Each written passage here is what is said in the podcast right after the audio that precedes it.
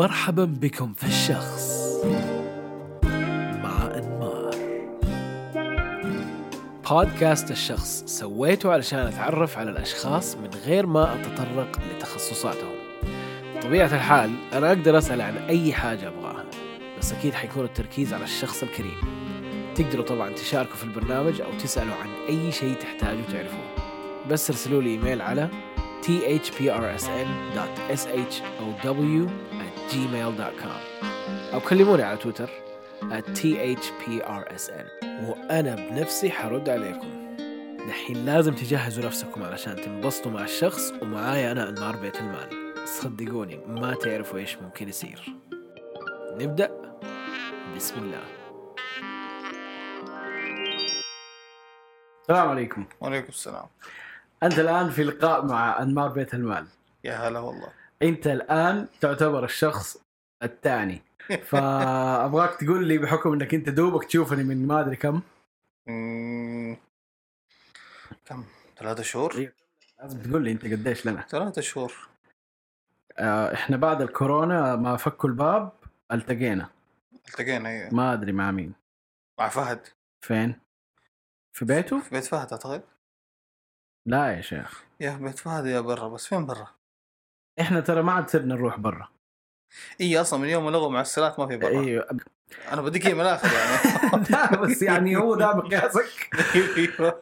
آه لا هي الفكرة إنه إحنا لنا يعني آه يعني تجمعاتنا الخ- تجمعاتنا اللي خارج البيت ما عاد هي زي أول. ما هي زي أول إيه. هي كانت ناهمه من أول. دحين آه، في البيت أكثر شيء.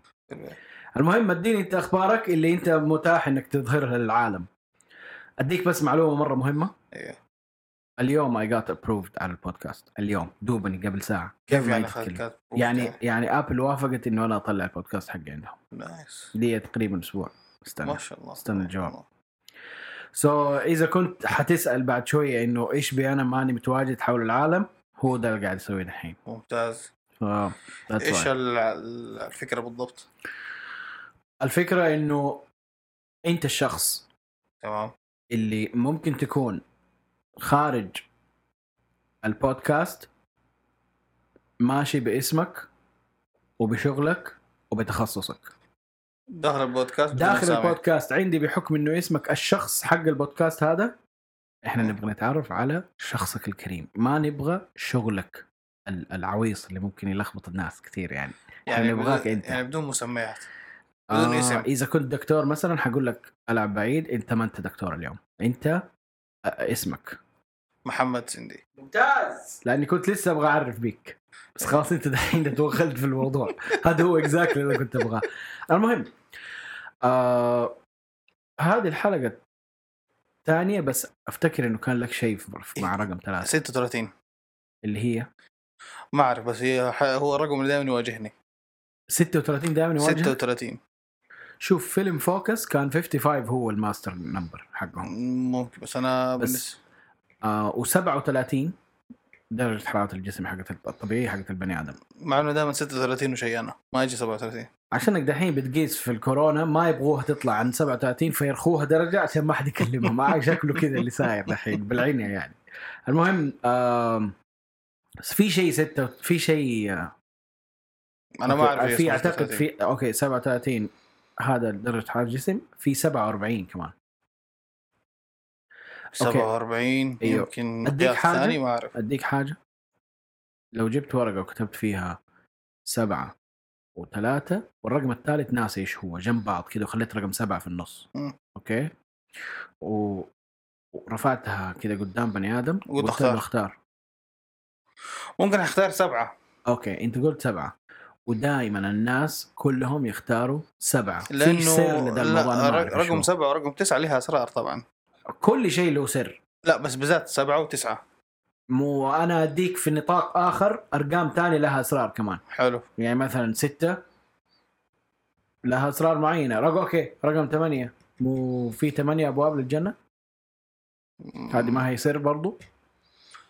أنا ما اعرف ثمانية ابواب بس بقول لك يعني إنه في إيه. كل حاجة لها شيء. أنا أنا أبغى أعرف ال significance حق هذا الرقم اللي أنت قلته. سبعة. ولا حق سبعة- 36 36 أيوه لا 36 هو رقم يظهر لي دائما. يعني مثلا أكون بمر على واحد و وبس فجأة فجأة بطالع في الساعة ألاقي مثلا الساعة رقم 36 دقيقة. يظهر لي دائما آه مريت على واحد ألاقي رقم شقته 36 آه مرات شيء كذا أي حاجة كذا حاجات بسيطة بس الاقي 36 في وجهي كثير. رقم 36 تحديدا. تزوجت في يوم 36 من الشهر؟ لا طبعا. يقولوا كورونا دحين 2020 قصدي حيطول لين 36 ما حي ما حيطول حيوقف. برضه ما حتصير ممكن رؤية تصير 20 36 إيش دراك بالنسبة لي يعني. عشان أنا تأخرنا أصلا سنة المفترض إيه، مشكلة. في المشاريع حقت 21 إيه. حقت 20 قصدي. وكان في تأخير. قبله حق الوزير حق العمل كمان. هو نوز أنا مرة ما أدقق في الأشياء هذه يعني بس بقول لك يعني بس بس يعني في منطق من كلامي وكلامك يعني. بس, بس عموما يعني سيريسلي أبغى ألغي دحين الأرقام وأبغى أوضح للمستمعين كلهم. كم واحد؟ قد إيش؟ اللي هم دحين واحد بس. إلى أن يزيدوا. أكيد اللي حيسمعها بعد بعد ألف مستمع حيكون هو المستمع رقم 1100 أوكي. 1001 قصدي. المهم ليش أنا جبت الهرجة؟ الهرجة عشان أوضح أنت كيف كان التقانا اليوم. أنت ملاحظ إنه أنا كذا خشيت عرض صح؟ أيوه ومو بس عرض إحنا لنا فترة بر- برضو طويلة ما التقينا. صحيح. يعني يمكن زي ما بتقول دوبك قبل ثلاث شهور. انت اول شخص أسوي معاه test حق اني اخش عرض. أوكي. لأنه كان في اتفاق مسبق مع اللي قبلك. حلو. واللي بوضحه كمان أنا أصلا ما كنت مخطط إن محمد سندي يجيني اليوم. فجأة هو اتصل بي قبل ساعتين بالضبط وقال لي كيفك بعد ساعة؟ وجاء. سو ليك ساعة أنت تبغى تجي. أتأخرت ساعتين ما أعرف ليش. صحيح. إيش حكايتك؟ حكاية تأخرت ولا حكاية إن أنا جاي دحين؟ حنبدأ في ليش أنت جيت اليوم. طب ليش لا جيت مو؟ حنبدأ بيها يعني حنأخرها بس بعرف ليش تأخرت أول. لا أول شيء ليش بجي؟ أو ممتاز أنا ما عندي مشكلة. إذا أنت عندك معلومات يعني تحب تفص- تفصحها لا، لا. للجمهور أنا كنت مشغول لي فترة طويلة. مشغول في حياتك شغل ولا شغل؟ شغل شغل شغل. مم. وخلصت بالضبط اليوم. اليوم خلصت الشغل. اليوم خلصت أيوه. التكفيلة حقت الشغل اللي أنا كنت شغال عليه. فبس فلما جيت كده قعدت شويتين يعني أنا الشخص اللي لما أنت تبغى تروق في حياتك تلجأ له واحد منهم لا كنت أفضل إني أنا أكون شيء أنا قلت. لك أنا واحد من الأشخاص اللي أنا أعزهم ما كنت ح... يعني أنا في ال... في الدائرة حقت آه، أصدقائك اللي اللي خلينا نقول أنت مصنفني أنا واحد منهم أبغاك كذا تخرجني منه وتخليني في دائرة لحالي بس. أرفع منهم مو أقل طيب ابشر هل أنا حاصير كذا ولا؟ اللي على رأسي. لا تسلك بالعكس أنت الصديق اللي ما بيني وبينك مصلحة وهذا شيء كويس يعني. أحس هذه كذبة عشان المصلحة اللي جاي عشانها دحين. لا لا لا لا رشوه يعني لا زي زي لا. كذبه لا بس. أصلا الشيء اللي شيء اللي جاي أنا فيه جاي جاي مثلا اقدم لك هو أيوه هو حلو. أصلا مش شيء يعني بزنس ولا عمل آه، بيني. وبينك ولا حاجة ولا هو شيء حيفيدني عشان أكون مرة واضح معك هو طالما انت لابس جلابية أكيد ما أنت جاي عشان شغل أي. يعني. فأنا جاي كذا حبي. في موضوع شفتك أنت تنفع فيه له؟ حلو. قلت لك آه، أمسكه أنت ليش لا؟ بس أنت فاجأتني بالوقت. أنا ما عندي اعتراض عليه. أنت تعرفني أنا يعني إذا مم. في شغل 24 7 كلها شغالة. آه وبالذات الشغل أنا أحبه يعني. بس بغض النظر أنا أصلا ما أبغى أشتغل معاك بس بعرف إيش الهرجة اللي عندك يعني. آه،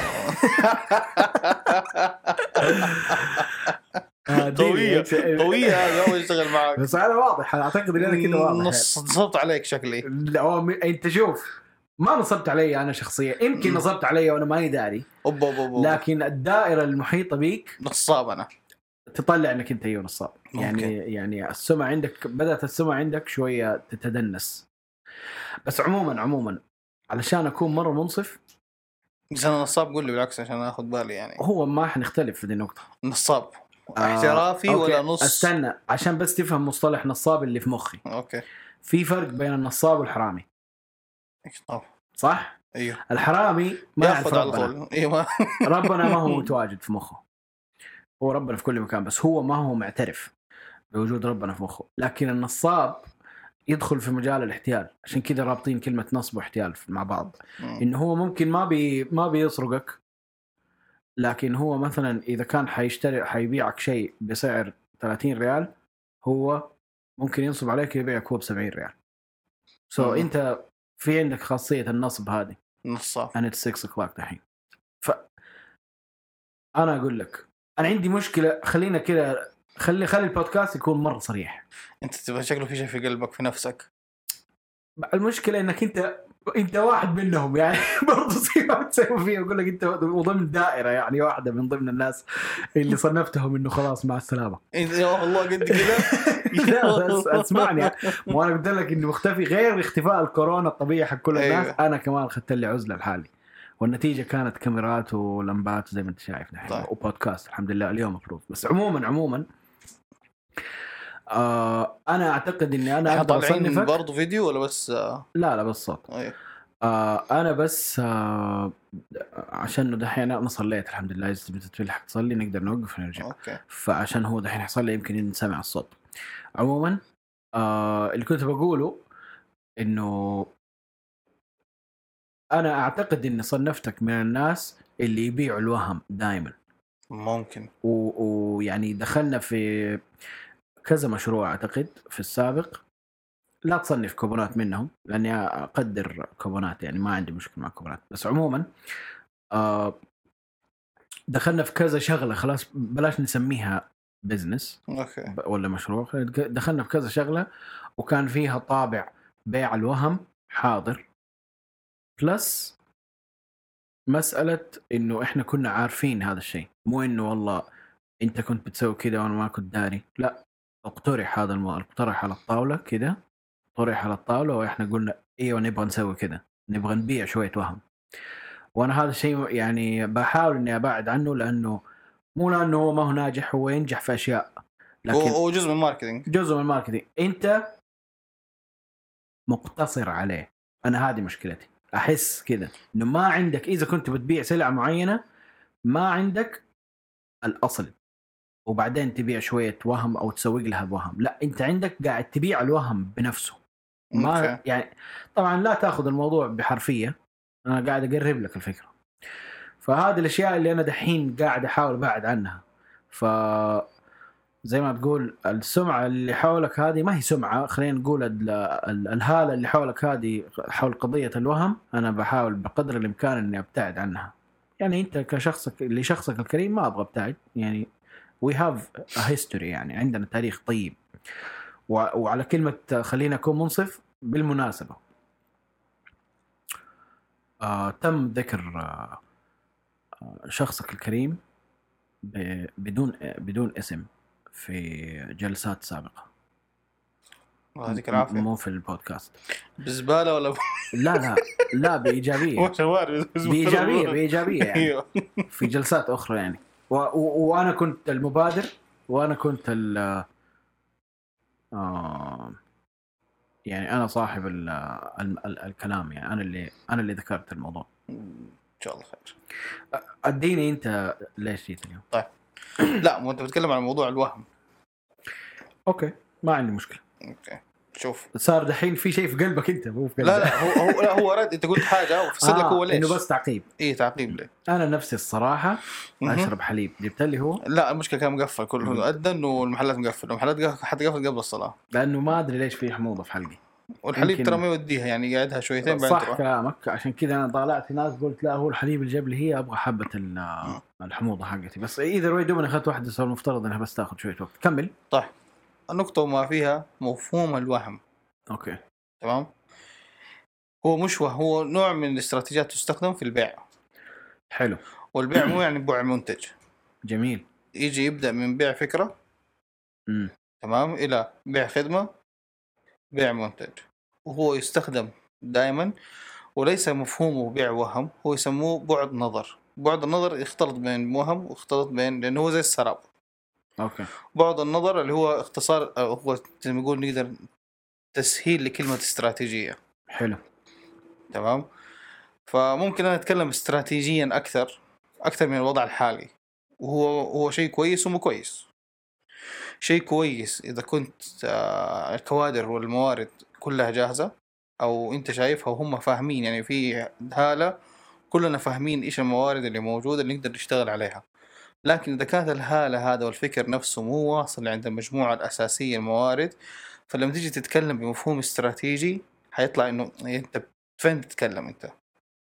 فهمت؟ إذا ما هو داخل في الاستراتيجية حقتك. يعني مثلا مثلا إحنا ما كنا نتوقع إنه إحنا في يوم من الأيام نجيك نديك مثال لما جات تحطت الرؤية تحطت الرؤية على أشياء تقريبا هي في الحلم كنا نتخيلها مم. إحنا ما كنا نتخيل أصلا التغييرات اللي صارت دحين هي ممكن تصير ولا يتقبلها أصلا المجتمع صح غير إن الحكومة تاخذ قرار صارت في آه، تغييرات قبل ما يبادر بالرؤية علشان الرؤية تنقبل بالضبط وبرضه حتى في الرؤية في. تغييرات برضه. كنا. كنا. كنا متو... متوقعين في ذهننا العادي إنه هذا التغيير لو صار حتصير مشاكل بس فعليا هو صار وما صار منه أي مشاكل وصار بترتيب ولا صار بصدر رحب وصار في موافقة عليه والناس تقبلته والى آخره من هذا الكلام بس في مم. البداية لو إحنا برضو جينا لمجموعة من الناس كانوا حيقولوا هذا وهم مستحيل مستحيل ده الكلام اللي بيصير صح. مستحيل وللناس المنطقيين بيقولوا لا الرؤية دي مرة منطقية وبالعكس إحنا نقدر نحقق أكثر من الرؤية ما هي محطوطة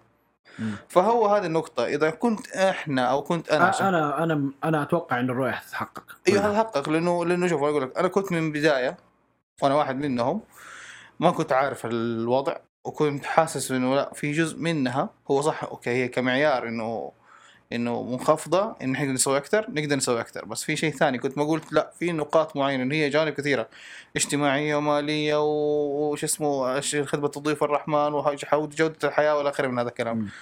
فكنت لما أجي أفكر فيها في بعض البنود حقتها كنت أقول مستحيل المجتمع لسه ما هو متقبل واحد في المية من هذا الموضوع. صح. وكنت أقول أول ما حيصير ده شيء حتصير مشاكل ومدري إيه وكنت توقعاتنا كانت واهية. وكنت شايف ومو بس أنا في يمكن غيري بس خليني أتكلم عن نفسي. كنت شايف إنه في الرؤيه فيها وهم في part معين من البارتات مم. ولكن لما صارت بحكم إنه هم طبعا أكثر علما هم دارسين دارسين السوق خلينا نتكلم ببزنس كذا دارسين المجتمع ودارسين وضعهم والى آخره. صار تقبل غريب الناس كلها تفاجأت منه. يعني أول ما اول, أول, أول ما نزل قرار سواقة المرأة مم. كلنا كنا حنقول هاي كيف حتاخذ السوق في الخط السريع؟ والأولاد يجي يازوها وتروح أيوة. على اليمين والكلام ده كله حيتحرشوا بيها أكثر وحقوقها وما حقوقها وكلام كذا مش على اعتراض لا ما عندي أنا اعتراض بس عندي مشكلة إنه هي كيف تسوق ثلاثة الليل وال- والناس أيوة، إحنا أيوة. عندنا هنا هم متقبلين ممكن يمكن خوف على يقعدوها المرأة. خوف على المرأة. لكن هذا كله ما صار. آه أنا آه أعطي الكريدت والفضل للإجراءات اللي تمت ما قبل الرؤية علشان الرؤية تنقبل ونستخدم هذا المثال حقك ك ك آه، يعني ك كدليل حي يعني أو كمثال حي. بالضبط. فالنقطة في كانت إحنا مثلا إحنا اشتغلنا مع بعض في مشاريع كثيرة. في منها الوهم تحقق وفي منها الوهم ما تحقق يعني. مثلا اشتغلنا أنا وأنت في مشاريع يعني مثلا كل مكان كنا نشتغل فيه. أيوه أيوه. وفي منها تحقق وفي منها ما تحقق وفي منها تحقق بزيادة. أنت ما تبي تذكر أسماء صح؟ أنت تحب أنا ما عندي إشكال. إذا أنت ما عندك مشكلة على فكرة أنا فاتح المجال للشخص اللي هو أنت. طيب. هو اللي يقرر إيش يبغى يقول عن حياته حتى لو كان مسائل شخصية. okay. أفضل إنها تكون شخصية لأنه كلمة شخصية جاي من شخص. هذا. تركيز لا لا خلاص. بدون بدون ما نذكر. بس يعني أنت لك الحرية يعني ما بسوق إنك أنت تقول الأشياء اللي أنت ما تقولها. لا لا إحنا كنا شغالين مثلا في مجال مثلا مجال مجال التعليم وكان عندنا بس كذا. آه أنت قصدك في الوظيفة مو المشروع اللي سويناه آخر مرة لا لا لا. موضوع خلينا نتكلم الحين في المشاريع اللي. كانت تحت الوظيفة. okay صح. المشاريع تحت الوظيفة كانت part خارج عن الوظيفة أصلا. yes سواء كان مفهوم التسويق ومفهوم المعارض. ممتاز. كلها كانت خارج عن المألوف. آه مثلا الهيكله اللي صارت التنظيم اللي صار الأندية اللي انفتحت إلى آخره هذا كلها ما كانت موجودة. لكن لما سويناها تحققت وهذا شيء كويس. وكان سبب تحقيقها إنه في موارد. لما خرجنا شوية برا الموارد قلت صح. أو تكون- قد تكون صب- معدومة أصلا وقف المنح الجامعة ما عاد صار لها لا دخل لا غير كذا أقصد انه إنه إحنا جينا سوينا مشاريع خارج المنطقة اللي إحنا كنا شغالين فيها كان ما. عندنا budget أنا تم ذكر إنه أنا كنت أشتغل في جامعة الاعمال والتكنولوجيا so لا تشيل خلاص okay لا لا إيه. بعد ما خ- بعد ما سوينا أعمال غير غير أيوة. غير الجامعة كنا أيوة. سوينا أعمال برا سواء كان لنا أو لمشاريع ثانية ما كان فيها تمويل مضبوط والمشاريع اللي ما تعتمد على تمويل حتكون صعبة جدا. صح. فلما كنا نحلم تمام؟ إنه نحققها. إنه إحنا نحققها كان جزء إنه إحنا ن- يعني نت- يعني كيف؟ إنه التمويل ممكن يكون جاهز أو إنه يجي. أديك مثال وأنا أفتكر أنت على أي موضوع. آه يمكن يعني آه واحد من الأمثلة اللي أنا وأنت شخصيا أت- أت- أت- يعني اشتغلنا عليه لأنه كان أنت عندك مشاريع تانية اشتغلتها مع عدة أشخاص تانيين بس. اللي كان بيني وبينك موضوع آه ال food truck حقت السليك okay. أنت كانت عندك نظرة وكنت بتقول لي إنه والله ال- ال food truck آه قبل ما يفكروا إنه يسووا دعم للمشاريع الصغيرة كانت تكلف مبلغ 20 تقريبا ألف. هذا ال- ال range حقها. آه إنك تبدأ من مشروع مشروع من البداية للنهاية. ولما آه الدعم انتبه لإنه هذا business شغال والناس شغالين عليه بدأ ما يدعم كفاية أو إنه أصلا الشروط اللي وضعت علشان أنت تاخذ تصريح إنك تطلع. truck آه كلفت أكثر بالتالي حتى الدعم اللي يجي ما يكفيك صحيح وهذا يمكن واحد من الأشياء اللي أنت أنا وأنت دخلنا فيها وكانت مرة تعيس طبعاً. إننا هذا موضوع موضوع غير مؤسف. غير ال process نفسه اللي كان في البداية اللي يعني إيه، إحنا صح. أصلا ما اصحاب اختصاص بس كنا صح، صح. بنحاول صح وهذا شيء ما بالعكس جيد انه إحنا قاعدين نحاول صح بس أنا لين متى حاحاول وأنا ما عندي دخل ثابت يعني بالضبط نفس الشيء لما جاء كوبونات كوبونات لما جاء يحتاج فترة تطويرية أو خلينا في مرحلة تأسيسية برضه مم. يعني إحنا ما كان عندنا موارد مالية كان عندنا موارد لوجستية الموارد اللوجستية سهلت لنا الحركة لكن نجي نبغى نح- نبغى نشتغل زيادة تحتاج على موارد مالية مم. الموارد المالية أنا ما كان عندي خبرة فيها إني أنا أجيب أجيب قوائم صحيحة أو مرة مطل... بالطريقة الصحيحة اللي هي للمستثمر تنعرض وعرضت وعرفت إنه غلط الطريقة اللي كنت بقدم فيها للمستثمر وإنه مش نظام والله زي أنظمة ثانية. فاخت... ففهمت. واحدة من اكتسبت خبرة من هذا وهذا المنطق. ولما جينا نحاول نطوره برضه ما قدرنا نطوره لأنه المفروض كان يعتمد برضه على budget مالي عشان نسوي له automization انه يصير اونلاين انت ترى بديت تدخل في technicalities أنا ما أفهم فيها. ما علينا أو ما أحب أدقق فيها دحين. فهي النقطة اللي بوصل لك هي إنه انه إنه مهما كان صح في أشياء كانت حالة مب- اللي هو بيع ال- خلينا نقول بيع ال بيع إيش؟ اللي إحنا سويناه شيء إحنا سويناه؟ لا لا إحنا إحنا نقول بيع الوهم؟ بيع بيع الوهم. بيع الوهم هو طبعا جزء رئيسي من ال marketing وممكن إحنا كنا نستخدمه لنفسنا على نفسنا عشان إحنا. نمشي نتحرك. ولكن بس كان يحتاج له عناصر تحققه. لكن العنصر عنصر كان عندنا عنصر المال. وصح أيوه. كان ما ما حققه. وصعب صح. معانا. بس. أتفق. أنا عندي أقول لك يعني أسباب الدوافع اللي خلتني أفكر بهذه الطريقة. إنه أبتعد عن خلينا نقول وج- توجه الوهم ده. لأنه هو ما هو شيء أساسي هو شيء مساعد شيء سبورتنج يعني. ثانوي. آه كنت دائما قاعد أفكر إني أنا ما أبغى أسوي حاجات سواء كان اونلاين ولا كانت آه، بالاسم ولا هي خدمة ولا whatever. أبغى حاجة ملموسة نبدأ بيها. طيب لما أجي أبغى أبيع حاجة ملموسة المشكلة إني أنا شايف الأمثلة الثانية حقت الناس اللي بيبيعوا أشياء ملموسة باليد. غالبا أكل أغلبها كانت أكل. طيب لما يكون شخص ما عنده مشاكل في حياته وتلقاه في مقتبل العمر دوبه متخرج من الثانوي مثلا؟ مثلا طبعا يمكن دحين صارت المشاريع ممكن واحد يبداها من الابتدائي ولا من المتوسط بس عموما آه، جيلنا النشاط الزايد حقه كان بعد الثانوية على طول. فبعد الثانوية الواحد يخرج يتخرج من الثانوية وبعدين تلقاه يبغى يسوي حاجة آه، إلى جانب الدراسة حقته إذا كان بيدخل جامعة. لما بيسوي حاجة الدعم حق الدعم حق سواء الحكومة أو الجهات المالية الأخرى لما بتقدم دعم من هذا النوع بلقى إنه الشخص اللي عنده شيء ملموس بيستلم الدعم من هنا ويحققه من هنا ويستلم عليه بروفيت سريع. حتى لو ما كان سريع يبدأ يبدأ المشروع حقه. أو يبدأ يشغل المشروع حقه. أنا كانت عندي مشكلة إنه إحنا صح طولنا في ما بعد الثانوية بس عشان نحقق البكالوريوس. ويمكن إلى الآن ما حققناها.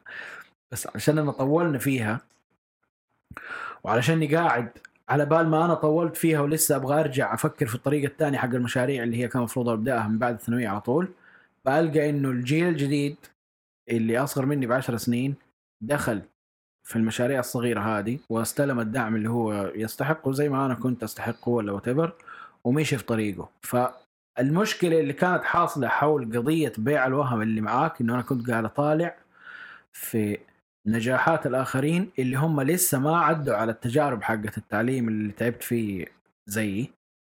وهم خلينا نقول إنه الجيل الجديد أصلا فرصه فرصه متاحة أكثر هل نقدر نقول إنه إحنا كان ممكن يسوي نفس الأشياء اللي بيسويها الجيل الجديد دحين قبل عشر سنين؟ لا أنا أتوقع ويعني أنت بتقول لي لا وأنا أأكد على المعلومة. بالرغم إنه أو خلينا نقول هذا لا يعني إنه في الماضي ما كانت في فرص. كانت في فرص ولكن كانت ما هي بهذه الكثرة حقت اليوم. وما هي بتعدد أشكالها. الحين في عدد الأشكال أكبر. طيب هو في حاجة أنا ما أتفق معاك فيها. اللي هي؟ إنه زي ما تقول راحت علينا. أنا ماني قاعد أقول راحت علينا. أنا مم. بقول لك في وقتها كنت قاعد أقارن مع الناس الجدد. طيب. أنا لو راحت علينا كان أنا ما سويت البودكاست هذا. هل هدفي من البودكاست مالي؟ ما هو بحت. هو مالي بس ما هو مالي بحت. وخلينا نقول ال... النسبة المالية ما هي أكثر من 50% يمكن أقل. طيب شوف. أول شيء إحنا في فرص مرة كثيرة. هذا رقم واحد. رقم اثنين ما نختلف. إحنا لما دخلنا مشروع كنا مجموعة ما كنا واحد ولا اثنين. صح. تمام؟ فالمشروع كان لازم يتحمل يعني طاقته الاستيعابية استيعابية يتحمل يكون شركة ما في إشكال.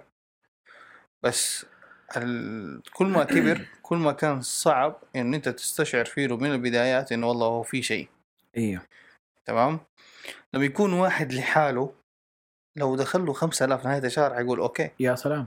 يا سلام أنا ناجح وأنا مبسوط ولا خير من ذا زي ما الكلام لي بين كل فترة. إيه زي ما صار مع كثير من المشاريع حقت food, truck اللي وصل أكثر أيوة. من شفت كيف في الشارع كيف في أيوة، النهايه. اغلبها قفلت. أغلبه قفل ولكن ما زالوا ناس صاملين لين دحين اللي هم ما أدري إذا كانوا هم فهموا السر أو إنها بالصدفة هم اللي بقيوا فزاد عليهم الطلب فنجحوا. إيه. قد يكون هذا ال... في في كذا وفي كذا يعني. okay. وبرضه صار صار ال business هو المشكلة إنه ال business هذا حق food truck أخذ قيمه كذا بعيدة أيوه أيوه. انه هو موضة. overrated أيوه. أخذ أكثر من حجمه. هو المفروض يكون هو حق مشاريع أكبر من حجمه. حقت ناس ما هي قاعدة تستاجر محل فتستاجر فتاخذ food truck هذا لأنه هذول جو ف... اللي يقدروا يفتحوا المحلات فتحوا ال food truck بالضبط. هذه المشكلة. في غير حاجة الشغله أخذها وضيع الفرصة على أيوه. غيره. فممكن انت صح لو كنا. إنت طبعا الحاجة هي اللي تخلي الواحد يطل. إنه والله هو هذا المشروع الصغير قام يطلع انكم وأنا لسه ما عندي ولا شيء. هذه مشكلة الحاجة برضو. أيوه. بس هي تعتمد شوف هي تعتمد على الواحد إنه هو يضغط على نفسه شويتين يحاول يصبر. يعني يعمل أصعب ما يقدر عليه. وحيلاقي مش ما حيلاقي. إحنا كنا مجموعة وكان ما ينفع أحد من المجموعه يعني يتكاسل. إحنا كنا سواء أنا ولا أنت ولا غيرنا. كان في شدة حيل يعني. أيوه ففي في كان في تشتت. كان في بعض الشباب يعني كان يقول لا خليني أنا أروح ال safe side ال comfort zone لأنه إحنا كان مشروعنا ما هو ووظيفه zone إحنا كان ما عندنا إحنا مشروع حقنا ما هو يعني بعيد تماما عن ال comfort zone وهذه risk عالي بس فيها أشياء كويسة. لكن نحن مجمع المجمع يعني دائما الشاب لما يبغى يتخرج يفكر في الزواج يفكر في أشياء أساسية في حياته. فبيروح للكونفرت زون أكثر. فهذا ممكن من الأسباب يعني. وعندنا كذا مثال كان في المجموعة. إنه كانوا يعني يبغى يمشي في حياتهم ف ومشيوا أخذوا أمورهم. وسبحان الله في ناس مشيوا وفي ناس ما مشيوا اثنين أيوة، يعني أيوة. عشان لا زي. لا لا لا لا, لا مو قصدي علينا قصدك على الثانيين اللي على خرجوا الثانيين اللي خرجوا برضه اللي هم منهم مشيوا ومنهم ما مشيوا. منهم ما مشيوا مش يعني مو شرط إنه. والله اللي أخذ الطريق ما هو مشي لا مو. كله مشي أنا ماني قاعد أحطها كقاعدة. يعني آه... خليني أسألك من يوم إحنا كم لنا خارجين من الجامعة 2017 18 أنا أفتكر إنها 17 بس إيذر واي. إلا صح بداية 18 آه سبب سؤالي أو أو سؤالي مبني على خروجنا هذيك الفترة. آه هل قناعاتك اختلفت؟ اللي اللي كنت آه بتفكر فيها هذيك الأيام عن دحين؟ حاول تجيب لي إجابة قبل الكورو- الكورونا. ما أبغى إجابة الكورونا لأنه الكورونا شوية أخلت بالمقياس حقنا حق مم. تغييرات ال- آه، خلينا نقول الفصل من جامعة ولا whatever يعني. إحنا جينا نتكلم عن موضوع الجامعة وكان كيف فكري وقت الجامعة وخارجها. أيوه. أوكي. حتكلم على موضوع يعني نقطة يمكن ما هي يعني ما هي تقول إنه هي صحيحة ولا ما هي صحيحة.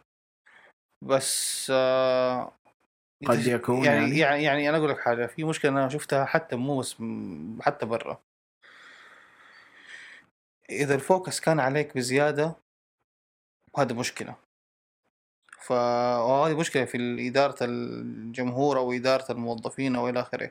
over مرة. إي فالموظف يعني يصار يحرص انه هو ما يكون زي ما يقول نجمه ظاهر عشان لا أحد يركز عليه. ومع العلم صح. إنه مطلوب منه يكون نجمه ظاهر عرفت؟ أيوه. هي كده. بس محمد أنت هذا ال- هذه ترى المشكلة ما هي بس آه، في ال business بصفة عامة. إي طبعا طبعا في كل مكان. في لسه نقطة بحققها الحين هي ما هي بس تعتبر مشكلة إذا صارت في شغل أو في ال business كونه الواحد ما يقدر يتحمل الضغط لما يكون عليه ويكون هو المطلوب منه إنه يكون هو النجم الساطع صح؟ هذه ما هي مشكلة بس في ال business.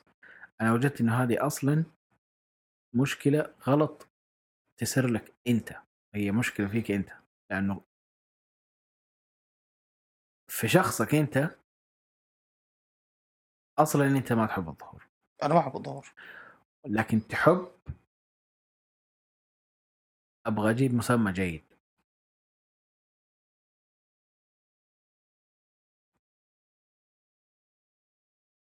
بعدين هو مش مكان عفواً، ال- كلمة كلمة كلمة النجم الظاهر ما كان إنه أنا أحب الظهور. كانت الاعتمادية عليك. أنت ما تحب الظهور أنا عارف ولا كان هذا الشيء أنت بتطمح له. بس أنا قصدي إنه أنت تبغى تأثير. اي طبعا. 100% وتبغى إنك أنت تكون افكتيف في شغلك. طبيعي. لكن ال- المصيبة اللي فيك كانت إنك أنت ما كنت تبغى هذا التأثير يظهر على الملأ باسمك كنت تبغاه يظهر عن طريق قنوات أخرى والقنوات الأخرى هذه أشخاص. ما هي قنوات marketing ولا؟ مع إنه الأشخاص إيه، ممكن يكونوا هم ما- ما- marketers مبدا يسموه التمكين عادي. لا مو بس حكاية تمكين إنك أنت بتأثر على شخص يقوم هو يتحسن في شغله يقوم لما يتحسن في شغله يبدأ يطلع اللي في قلبه والقدرات حقته. مو هذا قصدي. خلينا نقول إنهم كلهم متمكنين. okay. أنت ما كنت تبغى حتى الظهور بهذه الطريقة علشان كنت تبغى تزرع التأثير يتطبق على يدهم. إيش أهدافك؟ إنك أنت تبغى فضل نهائي بعدين مستقبلي ولا what هذا الشيء ما ما حادخل في النوايا ما أدري عنك. أنا ما أعرف أنت ليش كذا أصلا. قد تكون هذا الشيء معضلة في حياتك. طيب. لكن هذا اللي أنا كنت شايفه إنه قاعد يصير في الشغل.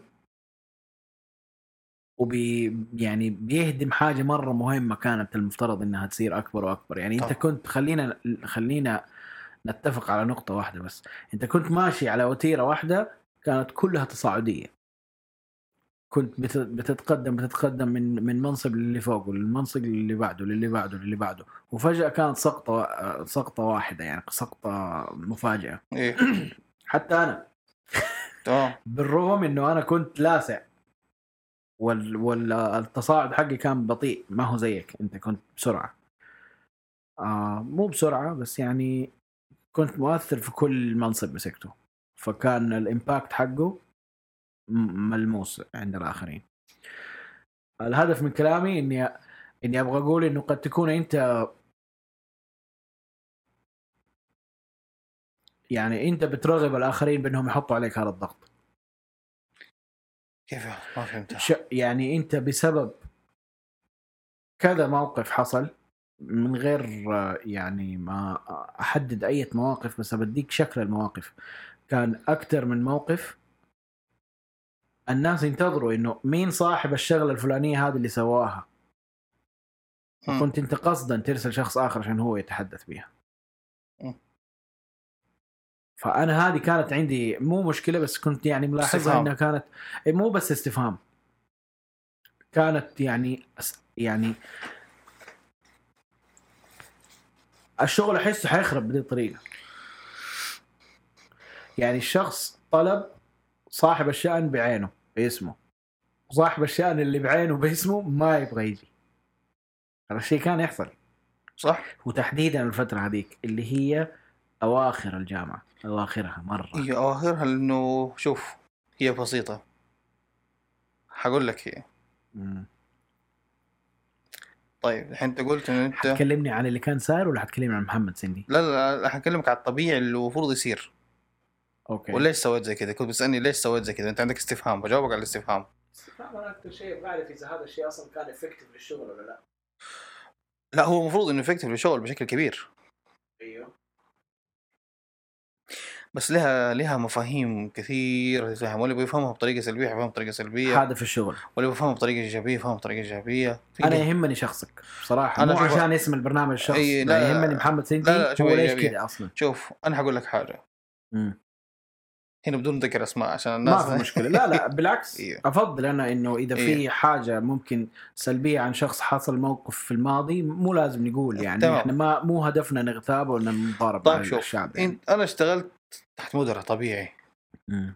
في مدراء تعاملت معاهم تمام هو عارف نفسه انه هو مدير تمام هو عارف نفسه انه هو مدير وخلاص أي عمل حيطلع هو. من تحت إدارته لا لا أيوه. من تحت إدارته مو لازم هو يطلع اسمه أيوه أيوه. تمام؟ فلا ليش ما يطلع اللي تحته؟ وهذا يعني هو قيده مختوم على العمل إنه باسمه هو أصلاً. الكبير حق المكان. زي الورقة حقت الاي 4 اللي باسم المؤسسة. خلاص أي شيء. كتب عليه توقع حتطلع باسمه. حتطلع باسمه انتهينا. أيوه. فخلاص المكان ده أو الإدارة هذه خلاص مديرها هو معروف. يس وده والنجاح أصغر واحد فيها معناته بنجاح مديرها. صحيح. فهذا المبدا اللي كنت أنا آخذه يعني. أنا وصلت في. منصب في في ال- في الجامعة عشان تكون اخر اواخر الجامعة. وصلت إنه أنا عارف إنه خلاص إنه يعني تقدر تقول الحمد لله. هذا البيك خلاص ما إيه. حاقدر أطلع أكثر من أيوه كذا وب- إيه علشان ما عندي شهادة أيوه لأنه هم بيدوروا على الشهادة. أيوه فأنا- فأي عمل حيصير تحت الإدارة هذه. خلاص هي طالعة في النهايه باسم فكنت الاداره أنت مفلوت بتحقق الإنجازات حقتك خلاص بحيث إيه. إنها حتنفهم إنها باسم المدير مو باسمي. خلاص ما فيش أنا غير كذا هي تنفهم أنا فاهم هي كيف تنفهم؟ تنفهم باسم الشخص الموجود الموظف. وباسم الإدارة وباسم الكبير. كبير الإدارة. أيوه فهي. ثلاث أسماء اوريدي كذا كذا جاهزة. هو طبعا حيتنسب فضل للكبير طبعا. طبيعي لأنه مشروع طالع تحت إدارته الكبيرة. أيوه أيوه. وحيتنسب برضه داخليا في الإدارة الكبيرة دي للإدارة الصغيرة لي بحكم إن أنا ماسك الإدارة هذه. حلو. تمام؟ وبرضه شيء نفس الموظف انظهر لأنه الموظف لو. الصغير لو ما ظهر مو شرط الصغير يعني نتكلم. يعني إيش كان إيش ما كان حجمه سواء كان supervisor ولا كان officer ولا كان specialist ولا حتى لو كان managers هذا أنت لما تيجي تسلط عليه الضوء أفضل إنه أنت لو أنت ما سلطت عليه الضوء هو ما حيديك بعد كده. ما حيديك. طبعا هذا يدي طبعا في في في منه سلبيات على حسب الأخلاقيات يؤدي إلى تمادي يؤدي إلى بعض الناس يفكروها هي عدم ثقة أو ما أقدر ما أقدر فيها أواجه فيها. يعني مثلا في بعض المدراء يقول لك أنا ما أحط اسمي عشان لما يجي أحد يفاصلني في الأسئلة ما أكون ما أعرف أجاوب وتصير هذا مش ما يصير. وفي بعض يفهم بطريقة إيجابية لا إنه والله الموظف ده انظهر اسمه وحقه واخذ الكريدت حقه بالكامل وبالعكس وانعرف وانشاف وتكلم مش ما عشان ما يجي يقول ما يجي الموظف يقول والله أنا انحرمت من حاجة. وهذا صارت معي أنا وكنت برضو. كنت أنا فترات إني نفسي أنا أظهر بنفسي بأي طريقة إنه أنا أبان أنا سويت الشيء ده مو كان ما أبان يعني كمان. نهايه. التقييم يبان محمد ما سوى شيء. صح. ف- انت برضه فضل يعود لك يعني. هي طبعا الفضل هذا بحكم مش انك انت اشتغلت حطيت إيه مجهود. إيه هو بس مقابل الشغل. انت تستحق عليه عشان لا يصير. التقييم غلط لا أكثر ولا أقل في النهاية. أي موظف بيحضر بيحرص عشان التقييم النهائي ما يكون إيه. غلط. إنه في والله part initiative حققته في part teamwork حققته في part part إلى آخره. فهو ده كان أيوه. سبب يعني أكثر ولا أقل. طيب أنا حأرجع للسؤال الأولاني بس بعد ما أذكر إنه محمد سندي للي ما يعرف يعني.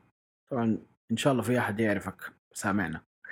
طيب بس اللي ما يعرف محمد سندي هو مطلع على ال documentations حقت الرؤية بشكل آه، عميق على الأقل في هذيك الفترة. إذا ما كان دحين كمان لكن على الأقل في هذيك الفترة. فكان هو مرة من ال- المشيدين بأنه أصلا حتى الموظفين إنهم أمسكوا هذا الدوكيومنتيشن وأقروها وأعرفوا الرؤية الحكومة إيش تبغى مننا عشان إحنا نسوي صحيح. فأنا أفتكر هذا الشيء حصل في واحدة من الاجتماعات بشكل جاد قبل خروجنا من الجامعة. وحصل بعد خروجنا من الجامعة أعتقد مرة واحدة لما اشتغلنا في مشروع الكوبونات فأنا أشيد بهذه ال- الفكرة إنه إذا إحنا أنا أكره طبعا الشركات اللي تكتب إنه إحنا ترى متماشيين مع الرؤية. وهو ما سوى أي ما حاجة. تدل على إنه أصلا الملف يمكن ما سوى له download ولا ما ما شافه. هذا لا يعني إنه أنا سويت له download بس أخذته منك. طيب ولكن يعني حتى أنا ما قريته بالتعمق اللي أنت تعمقت فيه. بس أنا هذا الشيء اللي أبغى أقوله علشان آه صح الهالة حقتك سيئة وما عاد أبغى أشوفك بعد كده لكن هذه من الإيجابيات اللي لازم أكون أنا منصف فيها يعني. آه عندي مشكلة في المايك بين كل فترة والثانيه ال phantom power بيسوي زي كده عشان أصلا فيها اسلاك كثيره مشبكة. المهم هذه الحلقة معلش سامحوها الكهرباء عشان أصلا شركة الكهرباء متعبتنا كم- يوم يعني. المهم آه السؤال القديم أو الأولاني اللي كنت بسألك عنه أو خلينا نرجع له أنت ليش جاي اليوم؟ يعني فاجأتني إنك أنت كلمتني وتشز جود يعني أنا صراحة لما أشوف اسمك في الجوال I'm like يا it. الله. طيب ما حقوله دحين. آه أنت قصدك هذا ال reaction حقي؟ آه صح. شوية يتنرفز بعدين يقول خلاص خلينا نشوف إيش عنده. يمكن يطلع لنا 500 ريال من. لا بس ايذر واي آه يعني قول لي إيش أنت جاي هنا اليوم ليش؟ والسؤال الجانبي كده حق هذا نفس السؤال اللي هو من نفس يعني الشق الآخر من هذا السؤال. ليش بجلابيه؟ هل عشانك كنت في البيت وفجريه؟ صح. ممتاز. الشق الثاني أول عشانه سريع حيكون ما حياخذه ليش جيت؟ أو ليش لا، اتصالي الثاني حق الجلابية. حق جلابيه إيوه ليش جايب الجلابية؟ جيت بالجلابية لأنه أنا ماني جاي في جهة رسمية تمام؟ بعدين أنا وبعدين أنا مقدر حاجة ثانية إنه أنا ما جاي عمل برضو ولا جاي جاي اخويا. okay وأخويا بجيك بشكل الطبيعي حق البيت يعني كويس لأنه في السابق البودكاست كان يصنف business زيه زي المقابلة على التلفزيون دحين لا يبغوك تكون ومو هم اللي يبغوك أنا أبغاك اي بس أنا ما أدري إنه في. كان بودكاست أصلا ممتاز بس يعني أنا دحين قاعد أقول لك ترى الآن أتحقق إنك في البودكاست. حقي صح أنا مصنفه business وأنا معتبره business هنا دحين طيب ورسمي و professional لكنه. بتوجهات جديدة تسمح لإنك أنت تكون متواجد بكل أريحية. ممتاز. الطريقة اللي أنت تحبها يعني. نرجع للسؤال اللي بعده. اللي هو نفسه الشق الأولاني. اللي هو ليش جيت؟ ليش جيت اليوم؟ طيب ليه جيت هو لي لي بارتين. حلو. ال part الأول تمام أنا قلت لك آه، أنا كان يمديني أخلص الموضوع بالتليفون. والله هو بهذه السرعة أصلا؟ هي موضوع مو مو موضوع أصلا. okay. تمام؟ بس أنا قلت لا خليني أمر عليك. الله يسعدك. سألتك صاحي؟ قلت لي أيوة، أنا صاحي. أيوة، أيوة. قلت خلاص ليش ما أمر عليه أنا أصلا كذا خلصت عمل وابغى اروق كذا شويتين. خليني كذا أغير جو وأروح أقعد اكلمه اقعد معاه شويتين وخلاص وأرجع بكل بساطه يعني. هذا السبب اللي أنا جاي إيش في سبب ثاني برضو موجود؟ أيوه في سبب ثاني. في سبب ثاني يمكن كلمتك عليه قبل كده. هات. إنه أنت بحكم إنه الفترة هذه شغلك من البيت. أيوه. تمام؟ فعندك وقت فراغ كبير. حلو. مم. مو مو صح بس okay. Okay ممكن. نقول نقول مم. فرضت فرضية يعني. لا لا كمل. يعني في منطق من كلامك. أيوه. فهو كان إيش في شغل من البيت؟ صح. طبعا في part بدك تسويه هو في مجال ال design بس أنت كلمتني عليه قلت لي ما أبغى قبل كده. تمام. في مثلا part من part والله ال research وما research قلت أفكر فيها قبل كده. أصلا ما قلت لي تفاصيل أكثر عنه وماني طيب. فاكر الجهة أصلا مين. بعيد عن الجهة. هي المدري إيش الأبيض هذاك لا لا لا بعيد عن الدار البيضاء. لا لا لا بعيد. بيادر البد مدري حاجة لا ما. لا ما لا صراحة ما لا فيها. باء ودال أتصرف. لا ما في ما في. طيب. لا بس النقطة ما فيها. أنت شخص تقدر تسوي research كويس. تمام؟ في فرق بين واحد يخش على جوجل ويكتب كلمة يقول أنا سويت research إيش قصدك؟ وفي فرق بين واحد يعرف يسوي research أوكي. تمام؟ أنت تعرف تسوي research طيب. الشيء الثاني الخلفية عندك في عندك خلفية شوية لل شوية لل marketing شوية لل management شوية شوية لهذا كله. لما تطلع نفسي التقرير أفهم أفهم ال research حق ال ال ال. المايك. ما أدري. إيش. إن شاء الله أسوي research حقيقي عن الموضوع أيوة. هذا. فأنت في النقطة هذه تمام؟ يمديك تطلع برضه conclusion ممتاز اللي يحتاجه الفترة هذه السوق. تمام؟ هل ال research مطلوب؟ مطلوب انت بتتكلم عن خدمة ال research مهم. okay طبعا خدمة research وترجمة والى آخره في الخدمة دي تعتبر تحت آه، كده group group معين تمام مم. فيها ترجمة وفيها مثلا ال- اللي هو ال research في مثلا مثلا designing بسيط presentation ما presentation ولا خلال ترتيب المعلومات كده في. باكج كده خاص بهذا بهذه الخدمة وهذه الخدمة أنت متمكن منها. عرفت؟ فأنا جيت أشوف قد إيش أنت ممكن تتفاعل مع هذه الخدمة مش لنا لك أنت لحالك. يعني مش والله أنا جاي أقول لك رياض إيش رأيك أنا وأنت وأنا أجيب لك شغل؟ لا مو كذا إيه، لا لا ما ما يبدو الطريقة. إنه لك أنت لحالك. عرفت؟ ومبدئيا جايب لك زبونين. بس في شغل يعني. في شغل مو أنا والله جاي يقول لك والله يلا نسوي ده رأيك الموضوع؟ إيه إيه. لا لا لا لا, لا في زبونين وأنت إذا أنت موافق عاد اديني سعرك وخلاص. وتبدأ تجرب هذا الشيء معهم. شفتوا أنت؟ والله هذا الموضوع اللي دائما تيجي تبدأ business تجربه أول شيء على اثنين ثلاثة. والله شفته ناسبك وال وكيفك خلاص okay ليش ما أخليه business إذا حاتخذ قرارات من هذا النوع ما حتكون على الهواء طبيعي. آم،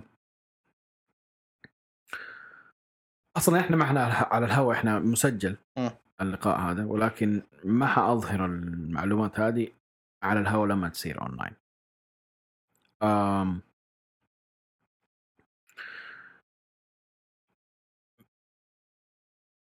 ما أدري إذا إذا مهارات ال research اللي أنت شفتها أو اللي موجودة عندي بالفعل تزيد المكيف ازيده إيوه. أنا مبسوط إنه ما هو مسموع في الميكروفونات. okay. انت بتخرب لي حياتي لا. بس درجة البرودة.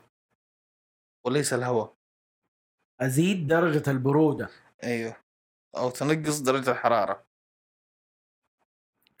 يعني شوف شوف كيف تفهم أنا الحمد لله إني ما حطيت الجوال في مكان بعيد عني. كويس إنه هنا في جيبي قاعد ادور عليه طلع في جيبي which is good. حاشوف لك موضوع المكيف دحين. بس عشان لا أحد يطفش من آه، الهرجة اللي إحنا بنسويها هذه دحين فزي ما قلت لك موضوع آه، الريسيرش المهارات اللي موجودة قيدها عندي.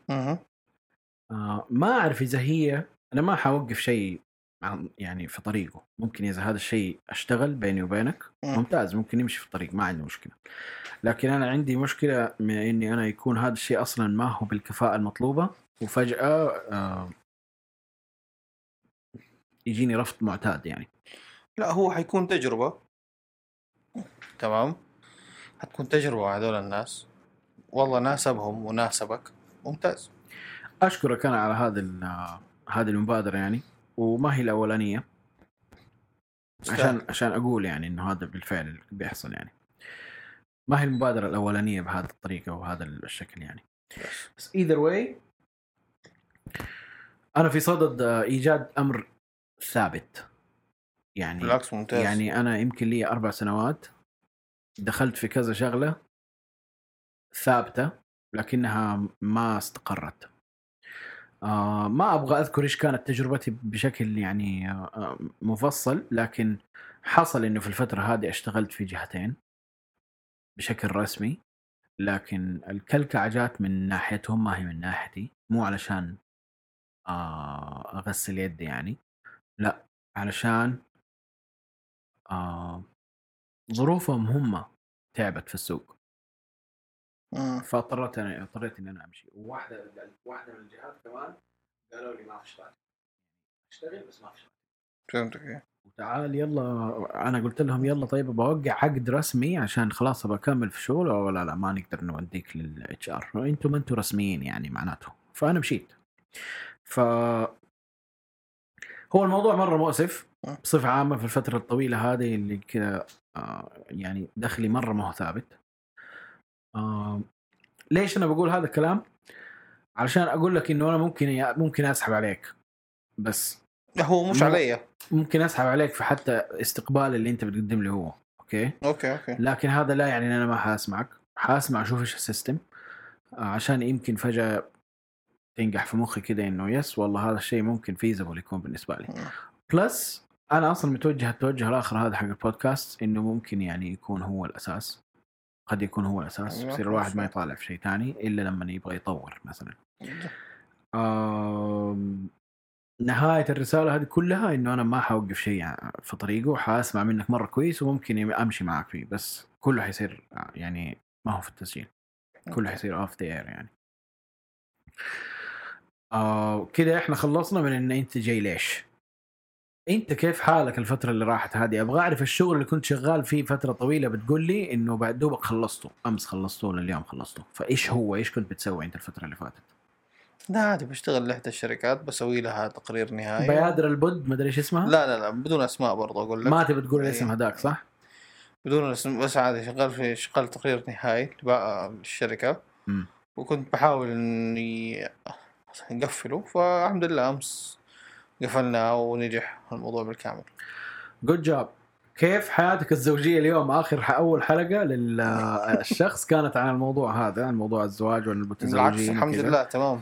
حياتك الزوجية من ناحية آه، يعني آه، خلينا نقول آه، مع إنه ما أحب أتكلم حياتي الزوجية. مرة؟ مرة. هاي زي اللي ما تبي تقول بس هي ممتازة الحمد لله بس. ممتاز.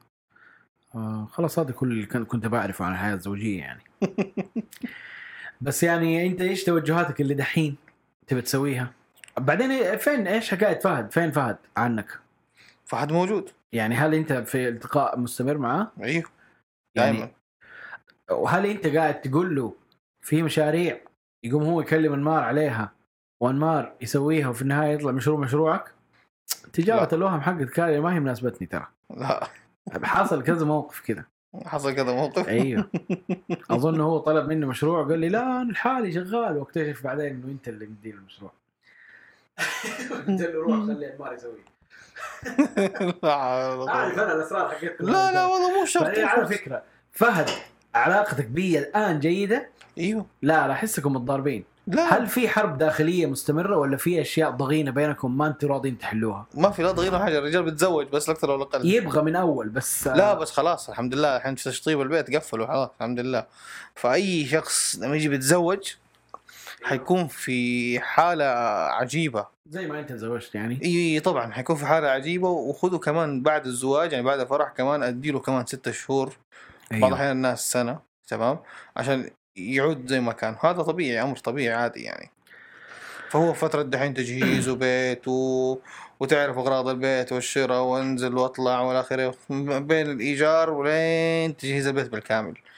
فهو فترة عصيبة. الله يقويه عبد الله بس. شوف أنت مرة مؤدب دحين. طيب؟ أوكي. قول لي إيش اللي بينك وبين فهد؟ ما بيني وبينه شيء. لا شوف أقول لك شيء. أنا متأكد إنه في أشياء مرة مزعجة بيواجهها منك وفي أشياء مرة مزعجة بتواجهها منه. أتوقع إنه أنت أكثر منه يعني هو بيعاني أكثر منك. هو ما أعرف إذا هو بيعاني أكثر مني ما قال لي ما أعرف. أنا ليش أنا قاعد أسألك بهذا مم. الشكل وكذا على على الشخص وال- والبرنامج وكل شيء؟ لأنه أنا من جد أطمح لأنكم من جد تتفاهموا. كلكم بتهربوا من النقاش ومواجهة الموضوع ده. لا ما في ما في موضوع. يا ابن حلال انت مشغول. تمام؟ زي ما أنا مشغول. أيوه. فأنا الآن مشغول بشغلي وانت مشغول بشغلك. مم. حلو؟ حنتلاقى في بعض الأمور اللي هي تجمعنا. حلو. بس لما أنا أكون مشغول وانت مشغول هذا اللي بيصير. لما أنا أكون ماني مشغول وانت ما انت مشغول حنتلاقى كثير أنمار ولا بتتكلم عن عن- المواقف اللي بتصير مع فهد؟ اللي مثلا الحين مع فهد. أيوه. تمام؟ أنا مع فهد بس هذا. أنا يمكن ما بقابله صح كل يوم زي أول. تمام؟ مم. ولا عندنا شغل دحين زي أول. ببساطة انه هو عنده شغل وأنا عندي شغلي الآن. مم. تمام؟ في مشاريع تجمعنا دائما شغالين مع بعض وحتى في المشاريع حقتي الخاصة إذا كنت أنا والله مزنوق بيساعدني. يعني مش والله مش مش والله نحن ما بنتلاقى لا بنتلاقى. أيوه. هو عنده مشروع برضه مزنوق فيه بنتساعد ما في شيء. بس هي نقطة إنه إحنا مشغولين الآن. والحمد لله يعني يمكن خلينا نقول من المجال ال creative تمام؟ يمكن صار نشيط بعد كورونا. أول ما كان يعني السوق حقه كان تعبان شوية. أو ما كان ليه اهتمام. أيوه. بس بعد أزمة كورونا في كثير ناس صاروا يتوجهوا للماركتينج وصاروا يتوجهوا لل creative كلها creative business و marketing business صاروا يتوجهوا له سواء الشركة تبغى تنقذ نفسها ولا الشركة تبغى تسوي campaign تبغى تبغى تخش للسوق بطريقة كويسة فصار عليها طلب. فالحمد لله كل الناس اللي شغالين في هذا المجال تقريبا مشغولين يعني مو مو ما حد فاضي. بس محمد هو بيجيني يشتكي لي منك. أوف. يعني أنا ماني قاعد آه، آه، انم عشان أنت تروح تتخابطوا وأنا أقعد أضحك من بعيد. عرفت؟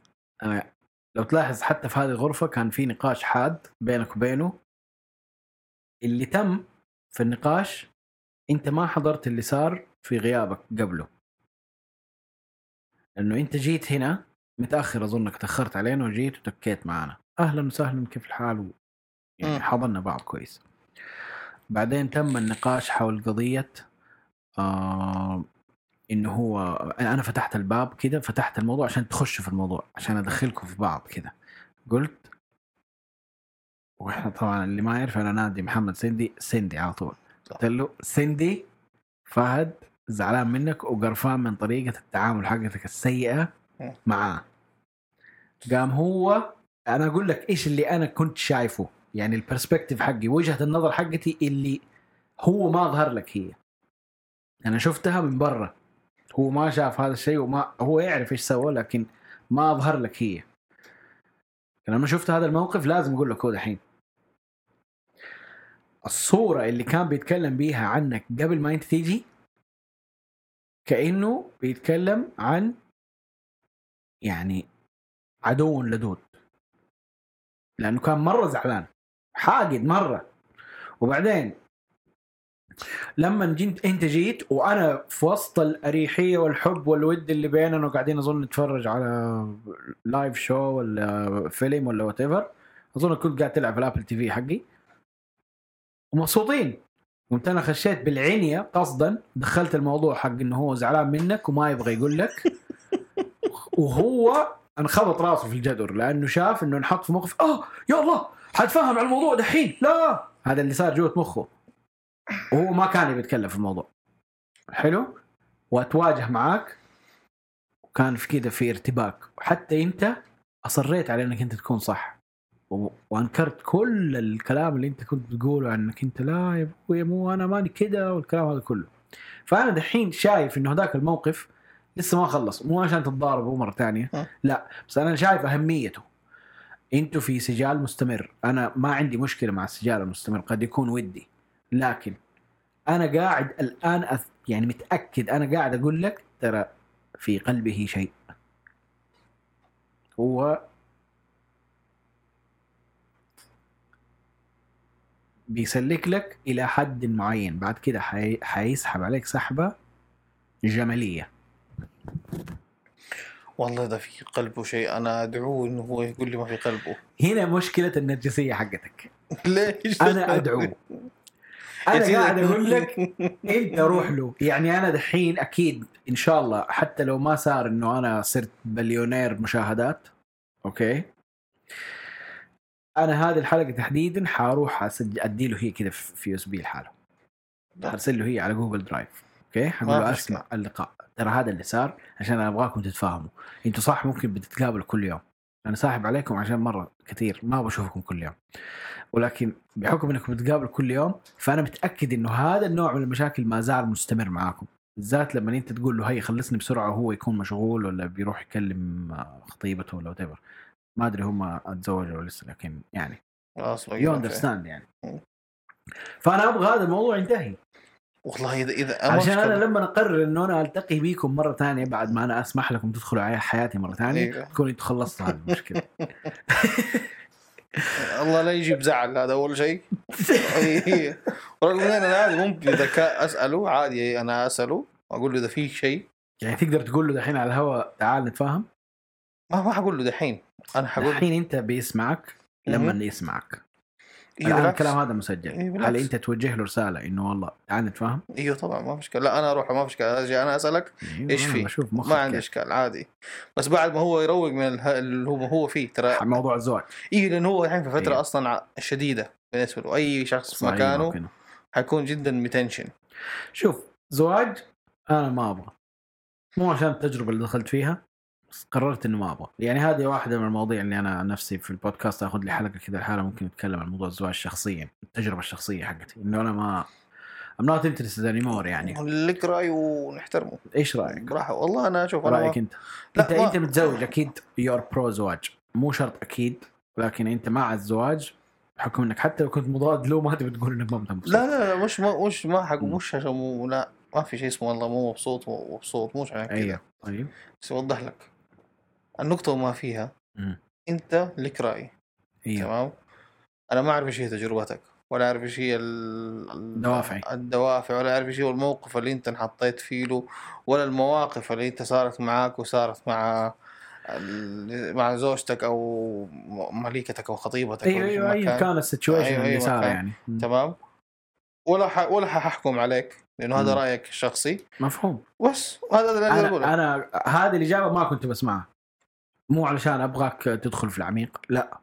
أنا ما أبغى إجابة دبلوماسية. أنا أبغى رأيك أنا أبغى رأيك الشخصي تجاه المبتعدين عن الزواج اللي قرروا انهم ما يبغوا يتزوجوا مو بس عشان صارت لهم مواقف. أنا أقول لك قراري حول قضية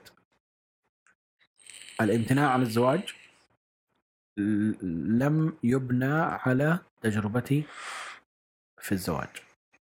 على إيش؟ مبني على نظرتي للمجتمع أو حال المجتمع فهمتني؟ قاعد تكح أنت دحين حيظهر في ال- في الصوت حيتسمع تحتاج مويه؟ ومن أول يا ريت طيب هو هو أنا يعني لو ما فيش بودكاست في حياتي كنت أنت جايني كان تعرفني كيف يعني؟ ممكن أضبطك على طول من غير ما ما تقول. بس أنا بس أنا عطشان بروح البقاله أقول be honest- يعني نلاقي البقاله مقفله حأكون اونست معاك وصريح معاك. أنا جهزت لك قارورتين موية في الثلاجه وسويت لك قهوة. الله الله الله جاهز الله الله. القهوة. والشيبس هذا اللي اسمه مرام. طيب. طيب مرامي. آه جهزته هنا على أساس إنك نفك الكيس دحين وتكبه على الصحن ده. نلفه. فعادي أنا دحين حقوم أنت تقدر ما زلت تتكلم معاي ما في مشكلة بس أجيب لك الموية وكمل. طبيعي يعني. أنا أرجع أقول أنا لك مرة مرتاح في في جو البودكاست الم- المريح ده إنه ما أبغى ألتزم بأي حاجة إنه والله يا الله صوت إسعاف معدي طلع في البودكاست ما هو professional مرة. لا أنا أبغى ال- ال- البساطة هذه. صح كل ما في الموضوع أنت بتقول لي رأيي شخصي أنا تعلمت حاجة تمام؟ إنه مش موضوع الموضوع انه إن أنت تقول رأيك. شكرا كيف؟ سكر مزبوط أيوه. لأنه الموضوع يعتمد على كل شخص وجهة نظره. حلو. وكل شخص وليه ظروفه. وليه المحفزات حقته أو المثبطات حقته والى آخره. فعشان كده بقول لك هذا رأيي الشخصي فعليا.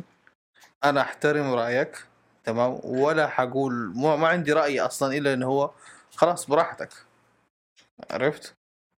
براحتي. أيوه بس أنا قاعد أكلمك عن المجتمع. الزواج في هذا المجتمع مو المجتمع السعودي في المجتمع العالمي international culture هو الزواج اليوم إيش هي أوجهه؟ ما في شيء وجه هو غريزة طبيعية في كل إنسان. هو في يوم من الأيام حيتزوج. طبعا اللي يعجله لأسباب معينة تكون كل شخص له أسبابه. واللي يأخره برضو لكل شخص له أسبابه. لكن الزواج أمر طبيعي لابد منه وحيصير وحيصير يعني.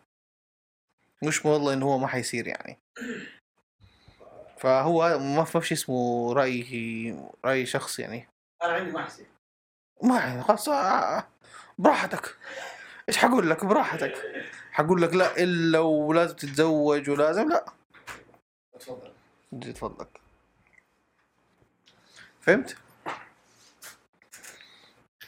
يا أخي أنا فاهم آه في واحد زمان قال لي تم طرح هذه الفكرة عليه يعني. إيش قال لي؟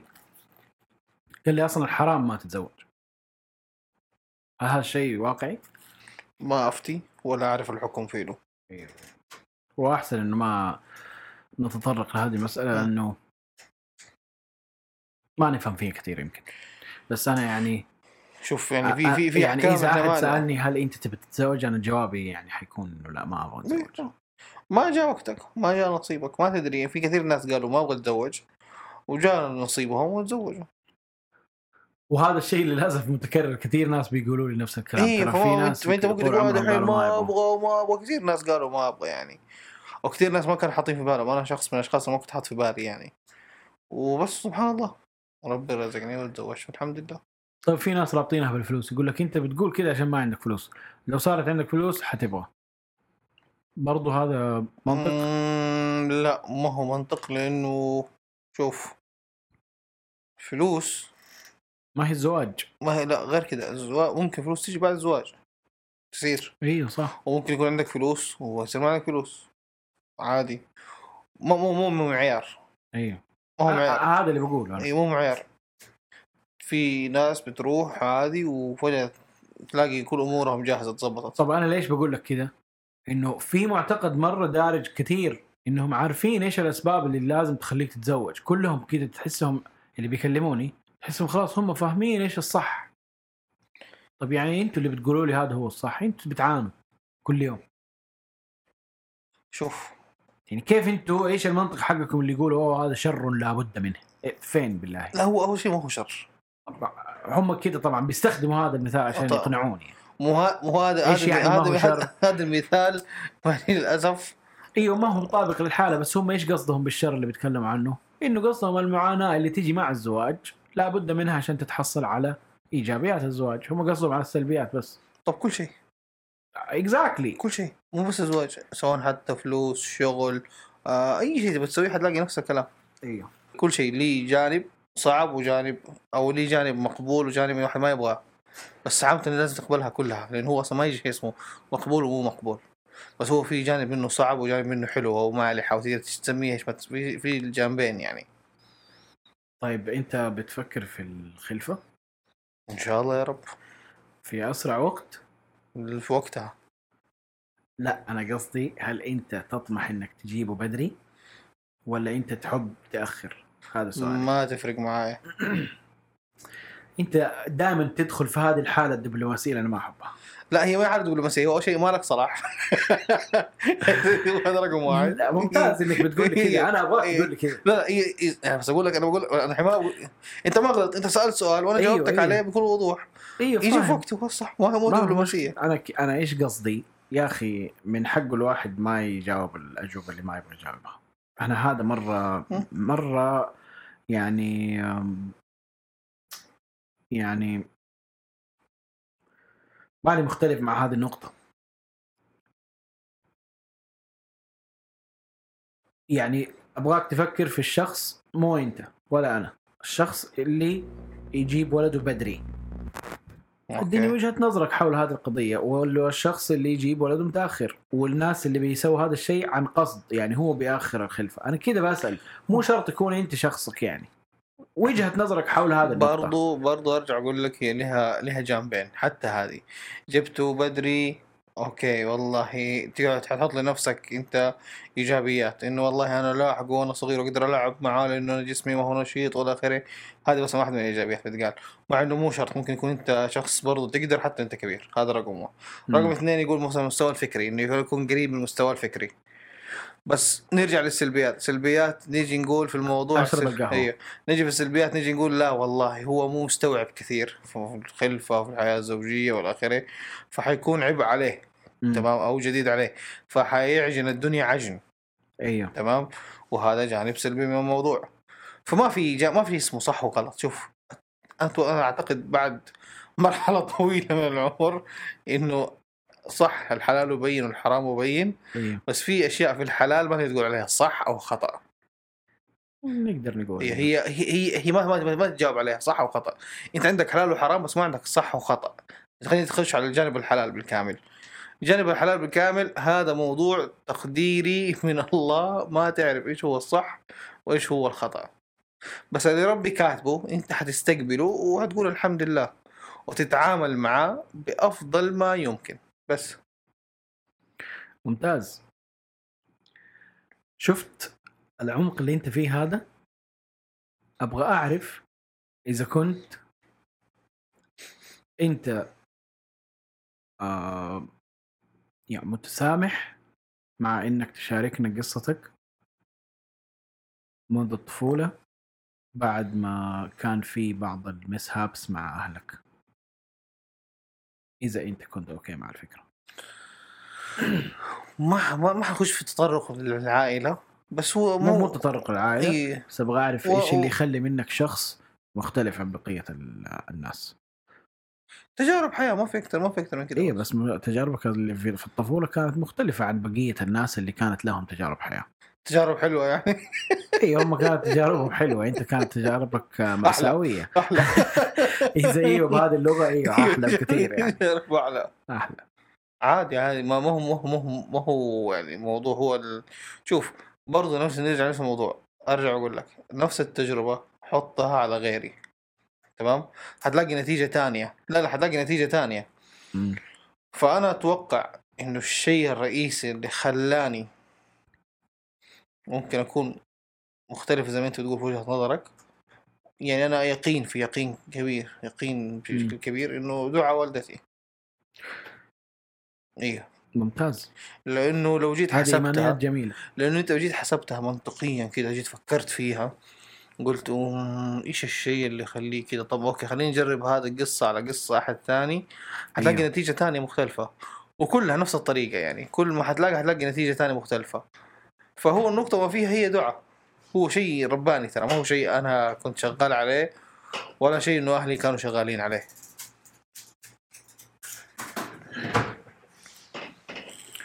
يا حبيبي أنا أبغاك تديني المسيرة حقتك.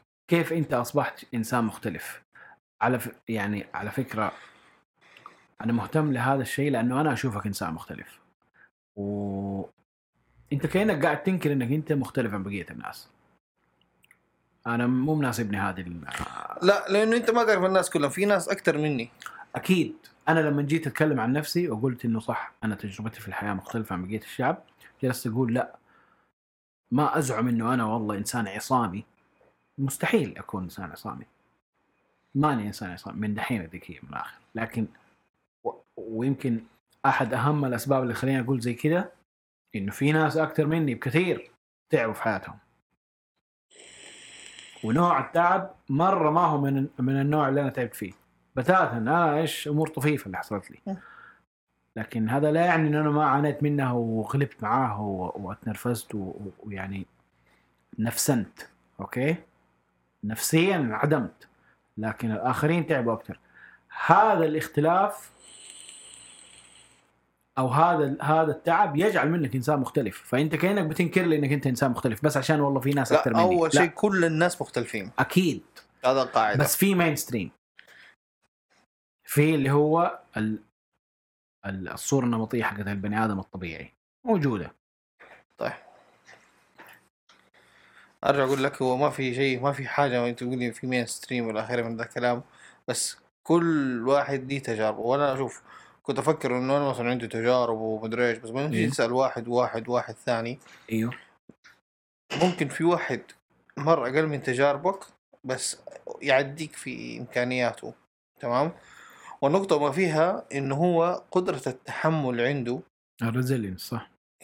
فهي في تركيبة في كل إنسان ليه تركيبة كده زي كأنك بتسوي recipe هي لأكلة معينة. تقديرات ربانية أكيد ربنا إيه. اللي مسير اي طبعا. فأنت. فهي النقطة لما جيت أحسبها بعدين لما جيت حسبتها وأحسبها كده مرة مضبوط لقيت لا إنه ما تنحسب. لقيت إنه هي أصلا هي عبارة عن خليط كل مين له غلبة في الدنيا؟ أيوه. كل واحد ليه طريقته وماشي فيها وهو بياخذ على قد ما يقدر يتحمل وإلى آخره من ذا الكلام. وفي ناس بتشوفهم يسووا غلط وأنت عارف إنه هو غلط تقدر تصحح له هو بس أنت حتى لو تكلمته لبكرة ما حيصححه. حيسويه. لأنه هو مكتوب انه هو يغلط الغلط قدامك وتشوفه وأنت المفروض تستوعب إنه أنت مالك صلاح. أنت أنت بس عشان تقول يا سبحان الله. أيوه. يعني قد يكون اختبارك في الدنيا أنت الموقف اللي صار لك بسبب ردة فعله. بالضبط. الغير متوقعه أيوه فهو ممكن يكون أصلا درس لك مو له. أي بالضبط هذا اللي قاعد أقوله. ف- فهي في كذا. فهو أصلا شر... يعني كل واحد لو لا جاء لاحظ شريط حياة مختلف. إحنا عند كم شوف تخيل العالم 7 مليار دحين 6 مليار. وصلنا أظن 8 اي. فكل واحد آه، فكل واحد ليه قصة أصلا. كل واحد ليه قصة عجيبة. هذا أنا ما أختلف معاه. بس أنا علشاني مقتنع بوجود ال mainstream وإيش أقصد بال mainstream تحديدا الناس اللي تحسه كده ما يعرف إيش يعني مشاكل. أو مشاكله توافه الأمور. عرفت؟ بس بالنسبة له هو ترى كبيرة. بالنسبة له هو كبير عشان هو ما عنده مشاكلنا. لا مش عشان عنده مشاكل عشان هو مقدر له انه هو قدره تحمله صغيرة وهو يشوف دي كمرة كبيرة وممكن ينتحر. أنت ما تدري. أيوه صح. وممكن ينتحر هو هو وصل لمرحلة أنت ما وصلت لها تمام؟ صح. ممكن ممكن ينتحر. بس هو ربنا خلق فيه قدرة التحمل بسيطة. خلينا نقول إنه غلبه وكبده في الدنيا هو إنه قدرته في التحمل بسيطة. والله شوف هو برضه ما أعرف. لأنه أنا قا- قاعد أفكر في اختلاف أنواع المشاكل في الدنيا. هم ممكن تلقاهم عيلة واحدة. هذا مشكلته شيء هذا مشكلته شيء. وتكون النقيض. هو مشكلته والله فلوسه كثير والناس ما يكلموه عشان إنه بخيل مثلا. وهو نيته جوا إنه مو بخل لا يبغى جودة ولا بيفكر في أشياء من هذا النوع. وأخوه تلقاه فقير مرة. بس كريم مرة. بس كريم يعني زي كذا ال- ال- النقيض ال- ال- التام يعني. فيمكن أنت بتتكلم عن هذه النقطة. لا هو نقطة شوف ما هم بأي شيء شوف يعني الحين تجي تقول؟ يعني أنا أجي أقول طب وقف نيجي نقول متى بتقول تقول للشخص والله إيش في شيء في حياتك اللي هو أثر فيك؟ تمام؟ هذا بيكون هو يمكن غالبيته مو يعني كيف أقول لك؟ أنا بالنسبة لي كل شيء صار لي راضي عنه. ما نختلف. وراضي عنه عن قناعة مش عشان بس والله إنه هو رضا اللي هو أنت لا, عشانك بتقول كذا بس عشان ال- التسجيل. لا طول عمري أقولها أنا فاهم بس يعني بتبرر عشان التسجيل. لا. دوبك قلت والله مو بس عشان مدري إيش. هذه أنا قصدي عليها. مو إنك أنت بالفعل راضي. لا ما مو عشان كذا يعني مو أنا- لازم تبرر حقيقة رضاك. مو لازم تبرر يعني. أوكي. بس شور طيب. فهو نقطة عامة ف أنا أعتقد إنه في في شخص هو بيقول حاجة معينة هو لي معتقد معين. أنا معتقدي اللي حد تسألني عنه أنت ليش وليش أنا أقول لك خلاص هي كذا صارت. هي كذا بس. أنا كنت في حاجة ما كنت بركز فيها على نفسي دحين بركز فيها على نفسي. اللي هي؟ اللي هي مثلا ال- نقدر نقول الكباسيتي حقتك. طب أنت كنت تاخذ الكباسيتي حقتك واسعة حقت الحمالة الآسية مثلا تمام؟ إيوه. معناته أنت عندك صبر أتفق أنا في هذا. معناته أنت عندك قوة تحمل. طيب معناته معناته هي ليش ما توظفها في مكان؟ ليش هي بس لما تيجي مشاكل تتحملها؟ يا ما تتحملها ليش ما. توجهها وتروح توديها في مكان صح؟ بس هو يمكن صار في حياة كده تمام؟ وعي. أوكي أنت عندك موارد زي ما أنت بدور دائما في الموارد حقت مين في موظفين ومين في مو... أو كوادر ماليه أو كوادر شخصية أو ماليا أو إلى آخره لا ليش ما نتكلم برضو على الأشياء الداخلية للإنسان سواء كان مشاعر أحاسيس مش مكان هو يطلع فيها ويحاول يوظفها. هذا كل اللي هذا هو بس النقطة اللي ما في الموضوع لو كل شخص فكر فيها بهذه الطريقة حيلاقي نقطة معينة. حتلاقي في أشياء أنت غصبا عنك تحملتها وهي مرة صعبة ولما تيجي تسوي الشيء اللي أنت تحبه ما أنت قادر تتحمل. بس المفروض أنت تفكر إنه لا ليش ما أنا أوظف قوة التحمل اللي أنا سويته شيء عشان أكرهه؟ سواء كان عشان دراستي ولا عشان أهلي ولا عشان إلى آخره سويته. أوظفه في اللي أنا أحبه. هلا حسوي البحر طحين؟ حوقف لحاجتين. الحاجة الأولى أنت لازم تشرب القهوة. الحاجة الثانية أبغى أسوي إعلان. هذه الحلقة برعاية هويتك. أنت طبعا تتفق معايا إنه هويتك طبعاً، بالفعل. داعمين إيه، لل- طبعاً، أرجع. للمايك لا تتكلم إلا في المايك عشان يسمعوك الناس كيف بتسبني طبعا طبعا. دائما أتكلم في النقطة الخضراء حاطط لكم آه، نقطة خضراء على المايك عشان تعرف تتكلم فين بالضبط. هو هناك ال gain ال pickup حق المايك في ال... عند النقطة الخضراء. Anyway آه أنا بقول هذا الشيء عشان لازم أسوي إعلان عن هويتك. هويتك من رواد بيع الوهم في المملكة العربية السعودية. أرجع للمايك طيب عشان يسمعوك الناس. هذا أقل فيلو صح؟ أيوه أيوه أيوه أيوه. أنت كذا بتغلط. ما بغلط أنا بقول واقع حصل معايا أنا إلى الآن ماني مليونير وأنا أخذت دورة عندكم مدري أخذت sessions عندكم في هويتك هم قالك حيمولوك؟ في ال ال- في ال system حقهم. أرجع لي للمايك عشان الناس ما هم معك ترى. تمام. فزي ما أنت شايف إيش كنا نقول؟ آه هويتك بالفعل يعني أبغاك إذا إذا تبغى تعرف بهويتك أكثر إنه ممكن تستفيد من البودكاست إنك أنت توصل معلومات عن هويتك. أنا بأدي هذا الشيء for free الناس عادة يدفعوا لي فلوس عشان أعلن عنه. أوه. فأنت يعني إن شاء الله، ليش لا؟ special special case إن شاء الله يوم أيام كذا أنت من أوائل الناس صاروا معاهم أسمع الإعلانات. تسمع الإعلانات عندك كذا شيء. من دحين ما حأدي أي أحد نسبة. أنسوا. أنا دحين أبغى أدخل أكبر قدر من المال. ممكن. أيوه لنفسي. يعني 120% فمن جد أبغاك تديني كذا بس تعريف لهويتك إذا إذا إذا لسه ال business فاتح وشغال عندكم ما أدري قفلته ولا لا. لا موجود بس، بس, آه، اونلاين دحين. اونلاين كله. طيب أدينا تعريف عشان الناس اللي حابين يعرفوا يصير آه، طيب. نعلن للأستاذة أو هي أستاذة المفترض ما هي دكتورة لسه. لا لا. الأستاذة مرام كردي. okay. آه، هويتك؟ ألطف الناس اللي اللي التقيت معاهم بزنسيا. الله يخليك. هويتك آه، هي طبعا مكتب استشارات. مكتب استشارات. أيوه. مكتب الاستشارات ده فيما يخص الاستشارات الشخصية. أو أيوه نقدر نقول التوجيه الشخصي. م- م- كل شخص طبعا ماشي في حياته عنده بهدلة في حياته عنده أمور كويسة في حياته إلى آخره. بس دائما يجي السؤال هل أنا اللي بسويه صح ولا بضيع وقتي ولا بضيع عمري؟ أيوه.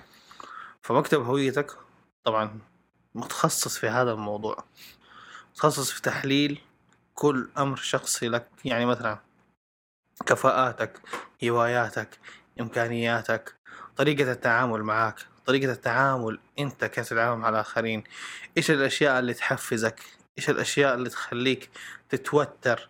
وإذا أنت توترت كيف الواحد يتعامل معك وإذا أنت كنت مو متوتر إذا أنت كنت في حالة حماس كيف تعرف إن أنت في حالة حماس وما ينفع مثلا تاخذ قرارات أو تاخذ قرارات؟ أيوة. أو إنه واحد ينفعل معاك برضه يتحمس معاك وتروح تخش في صبة أيوه وتخش في صبة. تمام؟ فهي هذا هذه هذه من الأشياء اللي موجودة مثلا. هذا هذا مكتب هويتك. مكتب- هويتك كده زي ما تقول يعري معلوماتك.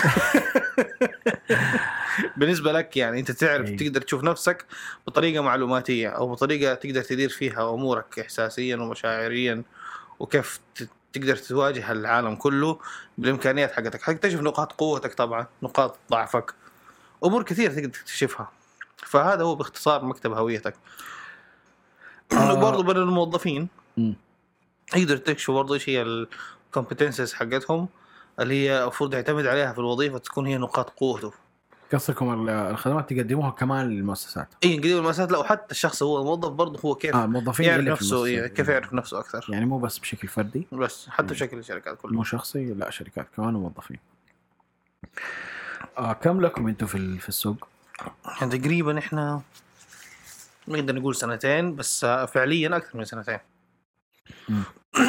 فعليا يعني التجربة دي موجودة من أيام خليني أقول لك يعني يمكن تقدر تقول نقدر نقول 2012 2011 كان أوكي. بداية ببحث ميداني بعد كده تحول لكتاب. والكتاب هذا طبعا قام عليه مشاريع تانية. بعدين تحول طبعا لموضوع بحث ثاني بعدين صار اتطور إنه هو يتخصص بشكل كامل إنه الاشخاص نفسهم. فهو المشروع هدفه يعني تمكين الإنسان. هذا الهدف منه وليس تمكين إنه والله إنه والله انه ياخذ فلوس لا ياخذ معلومات عن نفسه صحيحة.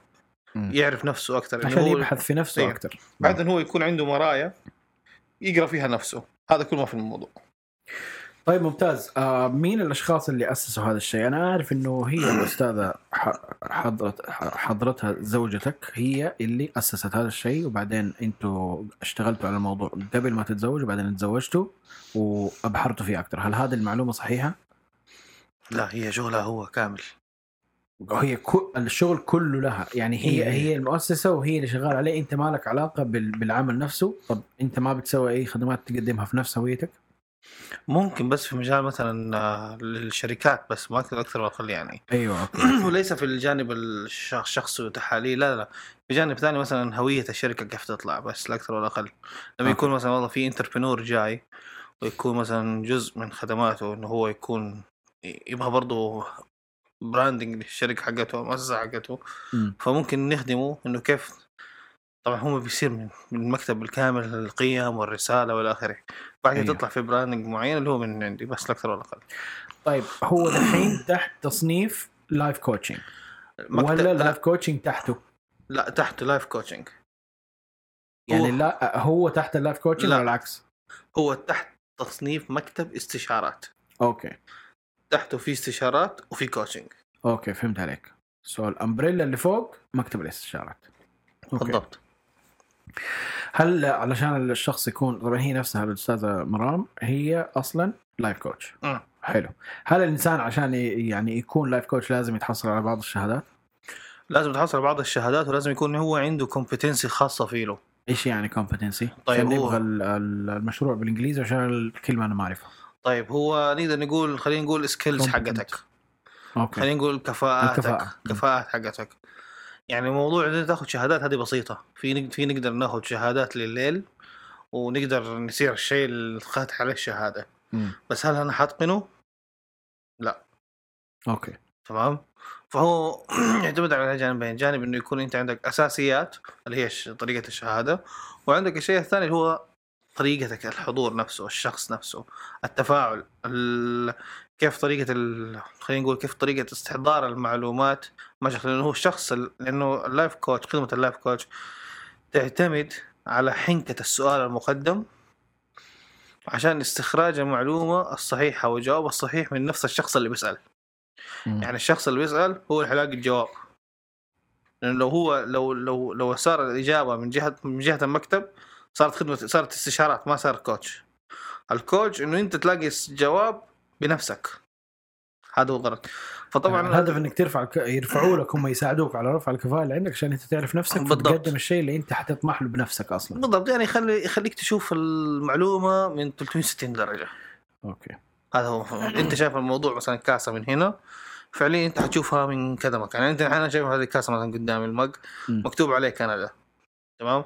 ما أعرف إذا مكتوب ورا أمريكا أصلا. صح؟ تمام. فحتشوف منظوره كله كندي. انت حتشوف المنظور كله بس لا لما في. ال coaching لا انت حتشوف المنظور بالكامل. أيوه مفهوم.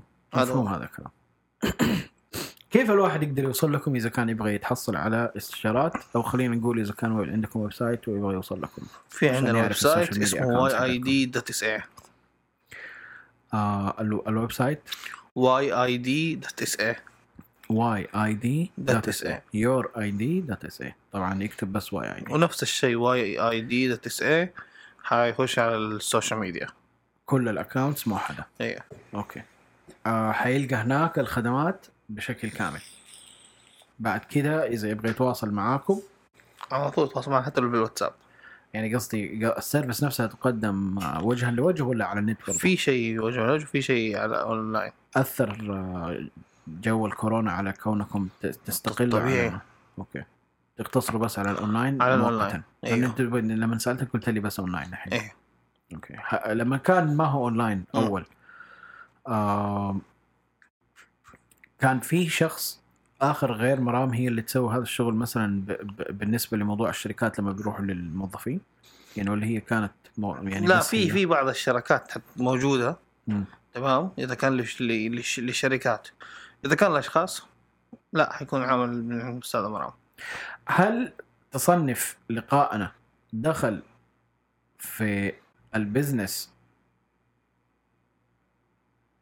وخلاك لما تيجي تقعد عندي هنا تتكلم في ال business ويكون النقاش professional أدى إلى إنك مثلا يعني وأدى إلى إنك مثلا تتضايق مثلا وما تاخذ راحتك؟ من اي ناحية. يعني أنت دحين جاي على زي ما قلت لي إنك جاي تروق. مم. وتكي ونلتقي مع بعض كذا ون... و... و... يعني نستانس بوقتنا. تمام. هل كوننا سوينا اللقاء ودخلنا في مواضيع متعلقة بالشغل okay. أثر على كونك جيت تروق شوف. ولا أنت الت- التجربة الجديدة هذه اللي قاعدين نسويها دحين يعني خلتك تستمتع بوقتك؟ طب أنا هقول لك إجابة. أيوة ألو... الواقع أبغى. الواقع. مم. أنا ما أحب هذه الأشياء. كلها كلها. اللقاءات. ولا احب إني أتكلم كلام مسجل. بس أنت تعرف إنه هذا اللقاء. يعني. عارف عارف. يعني حيطلع. إيه عارف عارف, عارف. يعني أنا ما ح... مثلا أسوي له delete بعدين. أنا عارف. okay. تمام. كمل. بس أنا سويته أو أنا بتكلم معك دحين عشان أنت صاحبي. يا سلام. بكل بساطة. يا سلام. الصراحة شوف لازم أقول شيء عنك أنت. من جد والله مو طريقة أنا ما أتريق أصلا يعني أنا دائما أتكلم جد بس البعض يعتقد إنها طريقة إساءة الظن منهم. أعتقد إنك أنت من الناس اللي أنا أعرفهم عندك قيم حميدة مرة كتير. الحمد لله. ولكن. إي طبعا لكن. أيوه قد يكون أنا أشاركك في هذا ال- يعني في هذا التصنيف. إنه قد يعني أنا أعرف نفسي أنا عندي قيم حميدة. ما ح ما ح مثلا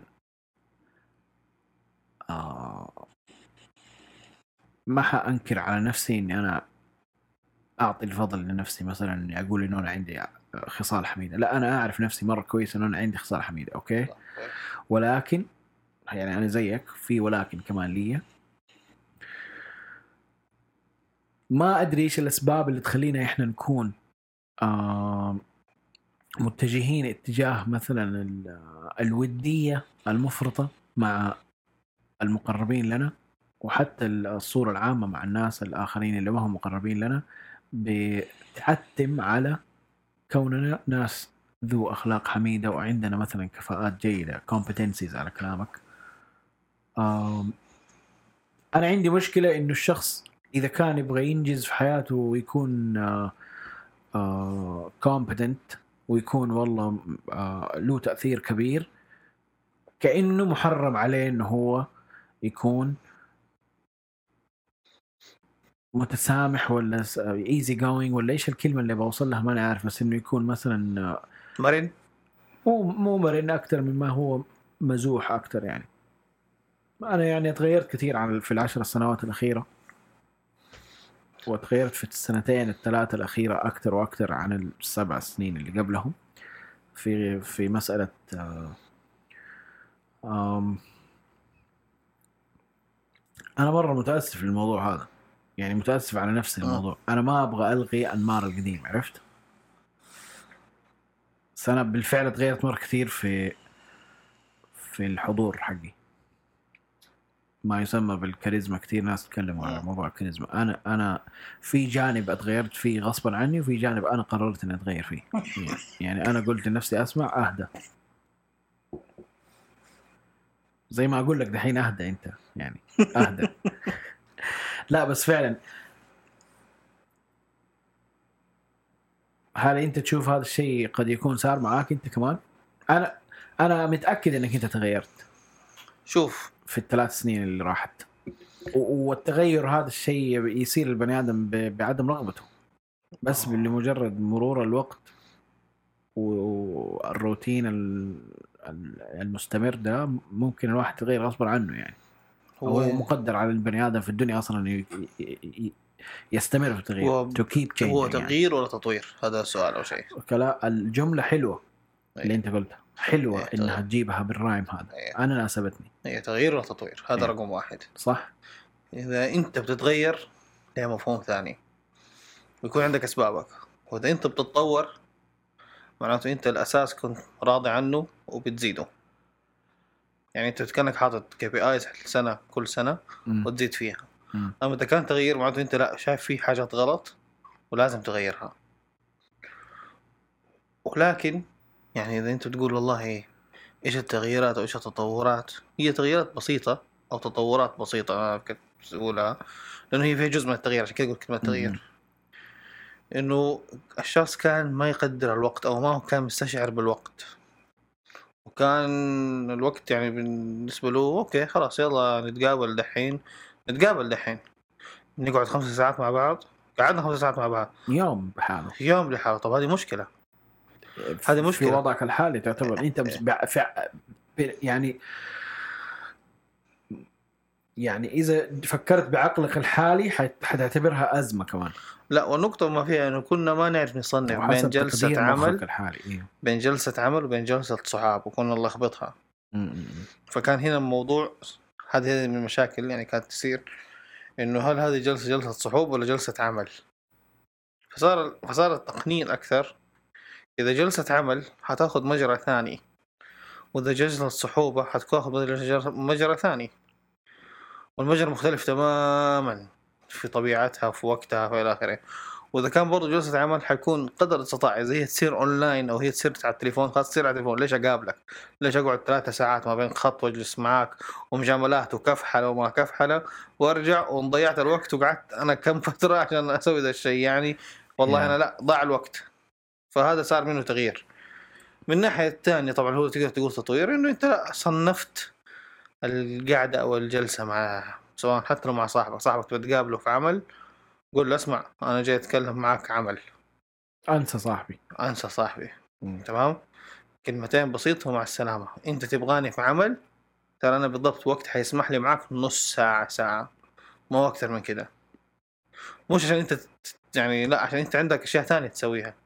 وكده حيعمل لك time management هو دائما المشكلة أنا جيت- لاحظتها.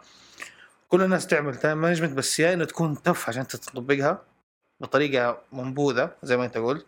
مم. اللي هو صار كده يا إنه متشمم أو إلى آخره. وتصير. يا إنه لا انت توضح للناس ترى أنا هذا هذا طبيعتي. فلا تزعل. عشان إذا أنت كنت صاحبي فعليا المفترض إنك أنت حتدعمني. إيه. حتدعمني أكثر يعني. مش والله لا والله. زي اللي يجيك صاحبك يقول لك إيش؟ والله أنا أسوي لي خصم. أيوه انت صاحبي. انت المفروض انت ما انت ما تسأل عن خصم أيوه. انت المفروض تدعمني. المفترض إنك أنت تجي تشتري اثنين ثلاثة بسعرها إيه. الرئيسي وعشان عشان أنا صاحبك. انت بس يعني إيش بتنشطني كده بتحمسني تحفزني. وأنا إذا استحيت على دمي من نفسي وكان عندي إمكانية أخفض لك على رأسي. مم. عرفت؟ بس هذا الأكثر ولا أقل. أما لا والله أنا صاحبك أسوي لك الخدمة ببلاش هذه قلة أدب. أيوه فهي بيصير. كلام سليم. عرفت؟ صح.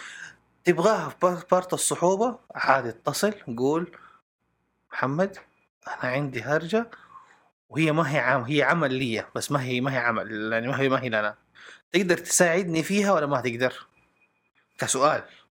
وإذا جاب الرفض ما فيها زعل المفروض هذا هو بس تقنين يعني الأمور فبس هذا هو هذه النقطة يمكن تقول والله إيش في شيء اختلفت؟ يمكن هذه اللي اختلفت معايا. طيب آه، هل كان ممكن تسوي البودكاست قبل ثلاث سنين؟ هذا اللقاء اللي أنا وأنت فيه.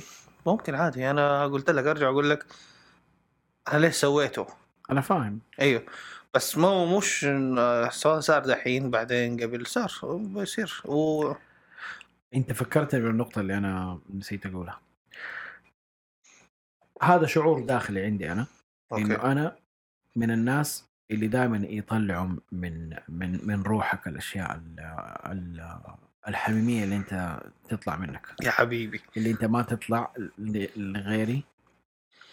لا هو مو كذا خليني أقول لك أنت لما قلت لي إنه أنت وافقت إنك تسوي البودكاست عشاني أنا علشاني أول شيء إيه. وعشان أنا صاحبك. السبب ليش عشاني عشان أنا صاحبك. بس أنت هذا الشيء ما تسويه عادة. أنت عادة يكون عندك صد للأشياء ما أقول لك الجديدة بس الأشياء اللي فيها ظهور. طيب هو يعتمد الظهور في أنواع له okay. تمام. في ظهور في ظهور اذا أنت كنت مثلا والله خلينا نتكلم على وضعك دحين. أيوه أنت والله دحين مثلا يقول أنت برنامجك مثلا برنامج قوي في المملكة. في ال MBC. في ال MBC. okay. تمام. وقلت لي محمد تعال بس بطلع معك. ممكن ممكن ما أجي. okay. تمام؟ بس مفهوم إنه أتكلم بصراحة يعني. أيوة، أنت. startup تمام تمام؟ لا لا بالعكس. أنا مبسوط أصلاً. أنت أنت startup وتبغى يعني ما يعني مو مع يعني أقلها اللي حوالينك يدعموك. وأنا أقل دعم. أنت رائع. بس أنت إنسان رائع. شيخ. ومو جديد عليك. بس بس يعني زي ما تقول يلا هذه أحد الحلقات حقت محمد سندي يعني. يا أخي الكلام يعني بغض النظر عن كوني مبسوط منه اخذ ساعتين لا لا مبسوط من هذه الجملة اللي قبل أيوه. شوي أنت قلتها لكن هو واقع أنا أحسه واقع من كيف ما فهمت يعني هو واقع إنه بالفعل إذا والله واحد عنده startup المفترض الحقيقيين من حوله هم اللي مفترض إنهم يدعموه. ويقبلوا الأشياء اللي عادة ما بيقبلوها زي ما أنت. قلت والله لو كنا في لقاء على ال... مو لازم MBC بس يعني إذا كانت يعني. لقاء كبير شوية آه ممكن يصدوا عن هذا الشيء لأنهم حيبدأوا يطلعوا يحطوا الشروط حقتهم. لا والله أنا لما حطلع ما حقول هذا الشيء. والله أنا لما حطلع لازم أطلع بعية ملابس بعية مدري إيش بعية مدري إيش الأشياء هذه كلها. يطلعوا أسئلة عليها. بس أنت دحين ما دققت كثير. قلت لك. حنطلع لقاء ووافقت. إيه. وامورك طيبة. بس إذا كان في أشخاص ما تبغاهم يعرفوا عنك إنك طلعت في هذا اللقاء مين من الناس ممكن يعني حتشيل هم إنهم ينظروا لك نظرة غريبة.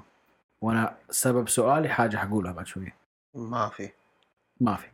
ما في. أنت متسامح مع أي هجوم ممكن يجيك بعدين؟ أيوه بالذات الناس المزعجين في حياتك. ما في حد مزعج في حياتي. لا ما تقدر تقول لي ما في أحد مزعج في حياتك. آه، في؟ ناس مزعجين في حياتك. يمكن أنا مزعج أكثر منهم. فأنت تزعجهم قبل ما هم يزعجوك. أيوه هل هل جاك قبل كذا تصنيف نرجسي؟ هل قد سمعت إنه احد أو هل أحد قال لك إنك أنت نرجسي إلى حد ما؟ كيف يعني نرجسي؟ النرجسية تعرف إيش هي تعريفها؟ لا وضح لي يمكن أكثر بس ما قد سمعت عنها أي اللي معلومات سمعت عنها معلومة بس أبغى. بس أتأكد يعني شوف أنا عشاني يعني خبرتي ما هي كبيرة أنا ح...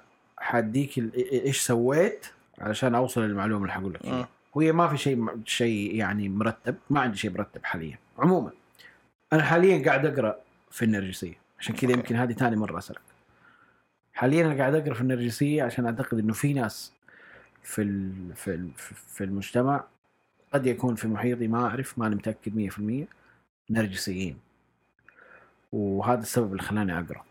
فأنا دحين اشتريت كتابين وقاعد أقرأ فيهم. والنرجسيه هي آه، زي ما نقول طابع على البني آدم يصل في مراحل متقدمة إلى مرض. كلمة مرض هذه كمان برضو ماني متأكد منها لأنها بالإنجليزي الكتاب اللي أنا قاعد أقرأه بيقول إنها disorder disorder اللي هو الاضطراب. هل الاضطراب مصنف مرض أو لا؟ أنا ما أعرف. فعشان كذا ما أقدر أجزم لك المسألة. ممكن يصنفوه ضمن إذا انسدحت وبعدت عن المايك لازم أنت تقرب المايك. أو أنت تقوم توقف له. مم. فأنت عادي انسدح على الكنبة. مو بس قرب. المايك لا لا بس امسك عشان اليدين بس عشان البريك. الصغير ده. لا ما في مشكلة. either way حاحاول أختصر لك. في حالة وصل أو وصلت النرجسية إلى مرحلة المرض أو ال disorder اللي هو الاضطراب هذا شخص بصنف النرجسي دحين هذا شخص أتعرض ل trauma أو حقول لك إيش trauma دحين. يا trauma يا اللي هي الإطراءات. ال praise بالإنجليزي. ال trauma اللي هي الصدمات النفسية في في أيام الصغر. مم. okay؟ واللي هي تجيك بشكل يا إنه معنف بشكل سريع. حادث واحد يموت في عيلتك قريب منك ولا وات أو إنه مثلا يكون على المدى الطويل. مثلا واحد يقعد يعنف فيك يضربك كل يوم آه يحقرك مثلا في شخصيتك يقلل لك من, من أهميتك قدام نفسك والأشياء دي كلها. ويقول لك أنت ما أنت كويس في الدراسة أنت يقول لك ما أنت ما أنت ما تعرف تسوق أنت ما تعرف تلعب ما تعرف إيش هذا ما تعرف تتضارب مع أخوك كويس ما تعرف تلعب مع أخوك. يقعد يقلل من قيمتك قدام نفسك. آه. من منذ الصغر. فيؤدي لأنك أنت تنجرح طول حياتك وهذا تعتبر برضه تراما بس انها على المدى الطويل. أوكي؟ تمام. ال- الجانب الثاني اللي ممكن يؤدي إلى النرجسيه برضو اللي هو الإطراء الزايد. لما أنت الولد تبشخ ومديح. جدا. وتخليه إنه هو أرهب إنسان في العالم. لدرجة وهنا يجي موضوع النرجسية كيف تكونت النرجسية. لدرجة إنه هو لما يكبر ما يقدر يعيش من غير ما أحد يمدحه. عشان كذا هو بيكون إنسان دائما يطالب بالمديح. يطالب إنه يسمع اسمه أول شيء وأهم حاجة وكل شيء. الحين قضية النرجسية ع- هذه هذه الكوزز حقتها كيف صارت. أو إيش أسبابها؟ وهذه طبعا ما هي الأسباب الوحيدة ومو أسباب مباشرة لكنها دائما تتخلل الأسباب. هذه النقطتين. المديح الزايد وأهله لما يحبوه يفضلوه على أخوانه وكذا والشيء الثاني اللي هو الت- التعنيف. جزء من التعنيف أو التراما تحديدا وهو صغير. الحين بنتكلم عن الشخصية كيف هي طريقتها. ويمكن أنت حتقول لي إذا هذول الناس موجودين في موجودين في حياتك ولا لا. بكل اختصار الناس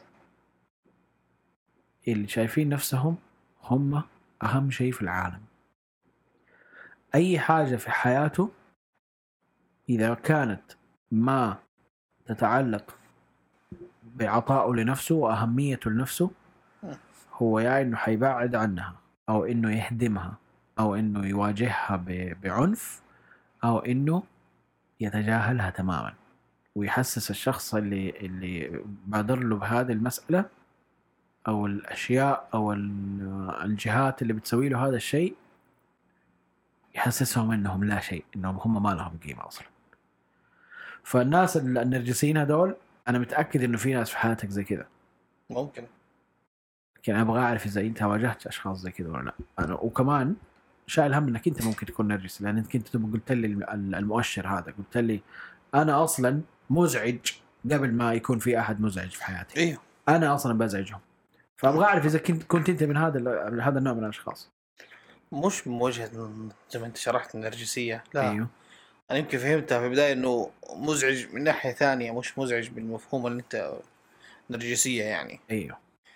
ما طالب أحد إنه أنا فين؟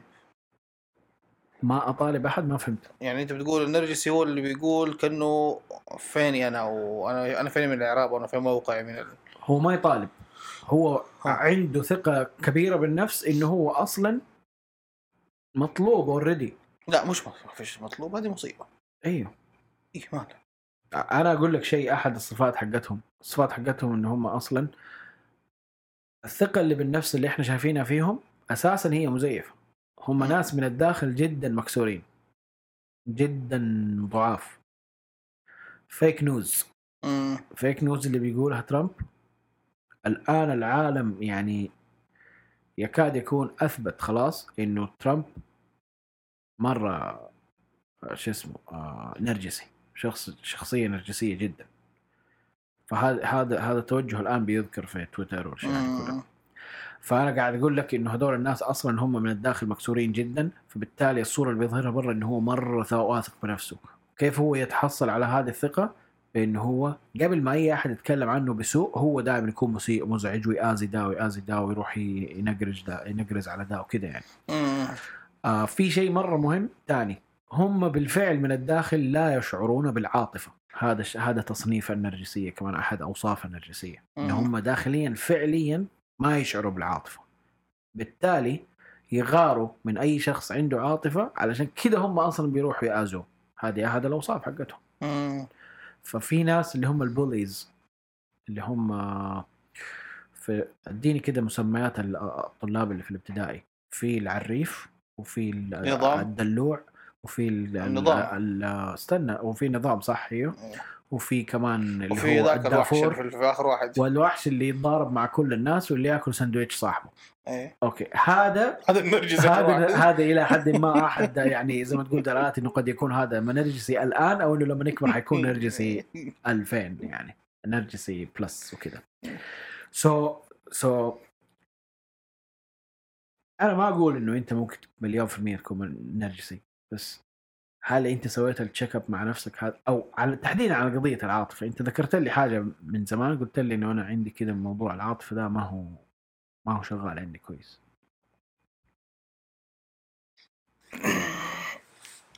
شوف إحنا نجي نقول نجي نتكلم موضوع العاطفة مو أيوه. شغال. لأنه المنطق يجي عكس العاطفة. تمام؟ فمثلا يجيك شخص يزعل في العمل. تمام؟ فأنت ما حتحط والله العاطفة كل مرة. okay أول مرة حتاخذ الموضوع okay. تمام؟ ثاني مرة أنت حتبغى تخليها ثاني مرة ثالث مرة رابع مرة هذه مصيبة ثانية بالنسبة لي يعني. لكن إنه أنت تقعد تمشي الموضوع عشان العاطفة حتخرب حتخرب ال business حقك. شوف بين الموظفين في النهاية هو مو ال business. هو بس task وخرب وتهزأ وتخلصنا من الموضوع. لما يكون لا والله واحد هو المسؤول عن هذا الموضوع أو نجاح الموضوع هنا ما حيصير في عاطفة. وأنا هذا اللي كنت بوضح لك هو إنه ما فيها عاطفة. أنا كنت صح يعني يوم ما كنا نشتغل مع بعض أنا كنت في أمور كثيرة. وكثير كانوا يعني يتضايقوا؟ يتضايقوا مني لأنه أنا ما بحط الموضوع والله إنه لا عاطفة وما عاطفة. أنا كنت انفعالي شديد في العمل يعني. فهذه مشكلة. هي هي ممكن تكون مشكلة وممكن تكون بالنسبة للعمل مصلحة العمل ما هي مشكلة. أيوه. مصلحة العمل يبغى إنجاز وما يبغى الأمور دي مشاكل والله وتقعد أنت خليك عاطفي شوية على ده ما ينفع لسه دوب وبادئ أو إلى آخره من ذا الكلام. هذا من ناحية العمل. من ناحية شخصية طبعا بتكون في زعل إنه يا أخي أنت عارف إن أنا ماني عارف غطى علي وما غطى علي إحنا أصحاب ومدري إيه والكلام ده كله. وشفنا أمثلة كثيرة يعني من دي الأمثلة أيوة. قديش كثرها وما أنكر كان برضو تصرفي حتى هو كان سيء. منطقي. كان فيه له سوء بشكل كبير مقل يعني في تمام.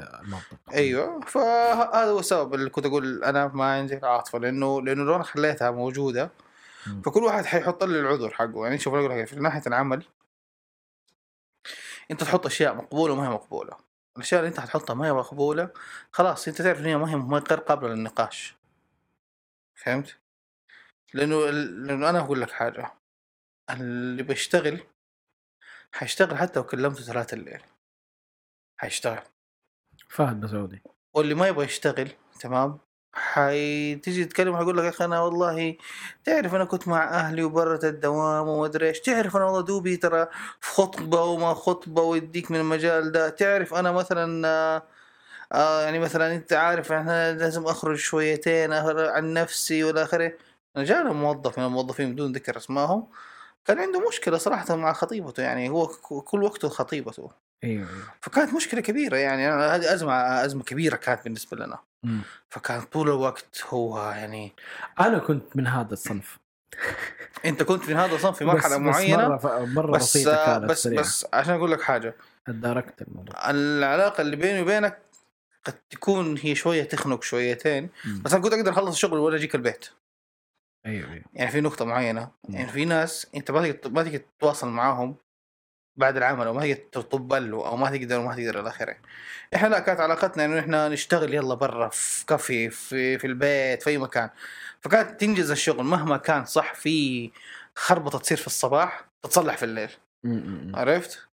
هذا اللي بيصير يعني مش إنه انتهى لكن لو في أشخاص ثانيين ما بيناتهم مثلا قرب أو أو حتى في الفئه العمريه والى آخره هتلاقي صعب إنهم يتواصلوا مع بعض ولا هو يقول له لا والله خلاص نمر دحين نشتغل مع بعض نخلص. فكان في في أشياء إحنا الحمد لله كان في أمور إحنا ننجز العمل في النهاية. صح. أوكي حيكون في زعل شويتين في الصباح بس في الليل خلاص نخلص العمل وكلنا ما طايقين نفسنا. يعني أنا ماني طايقك بس خلص العمل.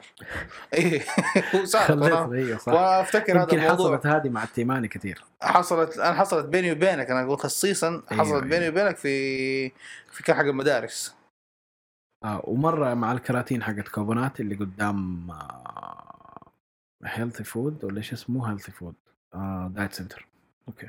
ماني فاكرها بس ماشي. أيوه آخر الفترة حقت كوبونات قبل ما تصير كاف. أمم. كانت في مشكلة كراتين لازم نشيلها وحاطينها في السيارات وخلاص محمد سندي لازم ينتهي من حياتي بس دحين لازم اشيل الكراتين. كان هذا التوجه يعني. لازم يخرج حياتي بس لازم بس الكراتين هذه في سيارتي لا لازم اتخلص منها أول. إيه. وبالفعل وصلتها في المكان اللي المفترض تروح له يعني. هو شوف هو, نقطة هو صح. يعني أنا يمكن هو موضوع العاطفة هنا أيوه. مشكلة يعني. أنا أنت بتواجهها. يعني أنا كثير شوف بس شوف أكون صريح معك. أيوه. 80% مم. تمام؟ بيتفهموا أوكي. 80% بيتفهموا في مم. في نسبة 20% ما بيتفهموا. شوف محمد سندي لازم أقول لك شيء. أنت ترى إنسان رائع. يا سلام دحين قاعد تسفل لا، قاعد لا. تسفل فيهم شو يعني أنا قلت لك ترى في أخلاق حميدة عندك. قلت لك هذا شيء في وسط اللقاء. بس في بلاوي. هذه مشكلتي ما يعني لدرجة إنه أنا ما أبغى أشوفك. فهمت؟ يعني أنا مو أبغى خلاص أقطع العلاقة 100% يا أخي أنا أحس يمكن هذا التصنيف بس عند المسلمين الله أعلم ما أعرف. أيوه. أوكي بس بالفعل بالفعل يا أخي. في أشياء لا تحتمل ولا تطاق والواحد أصلا هو ما هو عارف نفسه. يعني أنا ماني عارف حياتي إيش مصير مصيرها الحين وكيف ماشي ما وأنا عارف إنه كثير ناس أو كل الناس يمكن ما يعرفوا إيش المستقبل. ما حد يعلم الغيب ما حد يعلم الغيب okay؟ لما أنا الواحد يكون أصلا من أزمة لأخرى من أزمة لأخرى لاسوء لاسوء لاسوء okay؟ وبعدين تجي تقول له اسمع نفس الطريق اللي انت كنت ماشي فيه خلينا نرجع له. مثلا أنا كنت يمكن سبع سنوات اشتغلت خمس سنوات يمكن اشتغلت مع محمد سندي ويجيني مشروع مع محمد, محم- مع محمد سندي مرة أخرى. أقول يلا طيب okay. طب أنا لي في تدهور أكمل؟ في نفس طريقة التدهور لا خليني أسوي back up شوي لأنه أنا أصلا أحتاج عزلة مع نفسي عشان أنا أفهم نفسي أكثر عشان أنا والله أعرف إيش أطور وإيش أحسن. أنا ما بقول لك أنا صح قصدت الابتعاد بس هذا الشيء لم يقتصر عليك. يعني أنا ما ابتعدت عنك أنت باسمك. أنا ابتعدت عن الجميع. والمشكلة إني جلست سنة سنتين أقول للناس انه إنه أنا ترى في عزلة وأقول للناس إنه ترى أنا قاعد أبعد عن الناس. وكثير ناس أنا بعدت عنهم. إذا فكرت في الأربع سنوات الأخيرة كذا مرة قلت إنه أنا لغيت ناس من حياتي. في بالفعل في في لستة في الجوال كده اتمسحت 192 رقم اظني مع السلامة. أوكي؟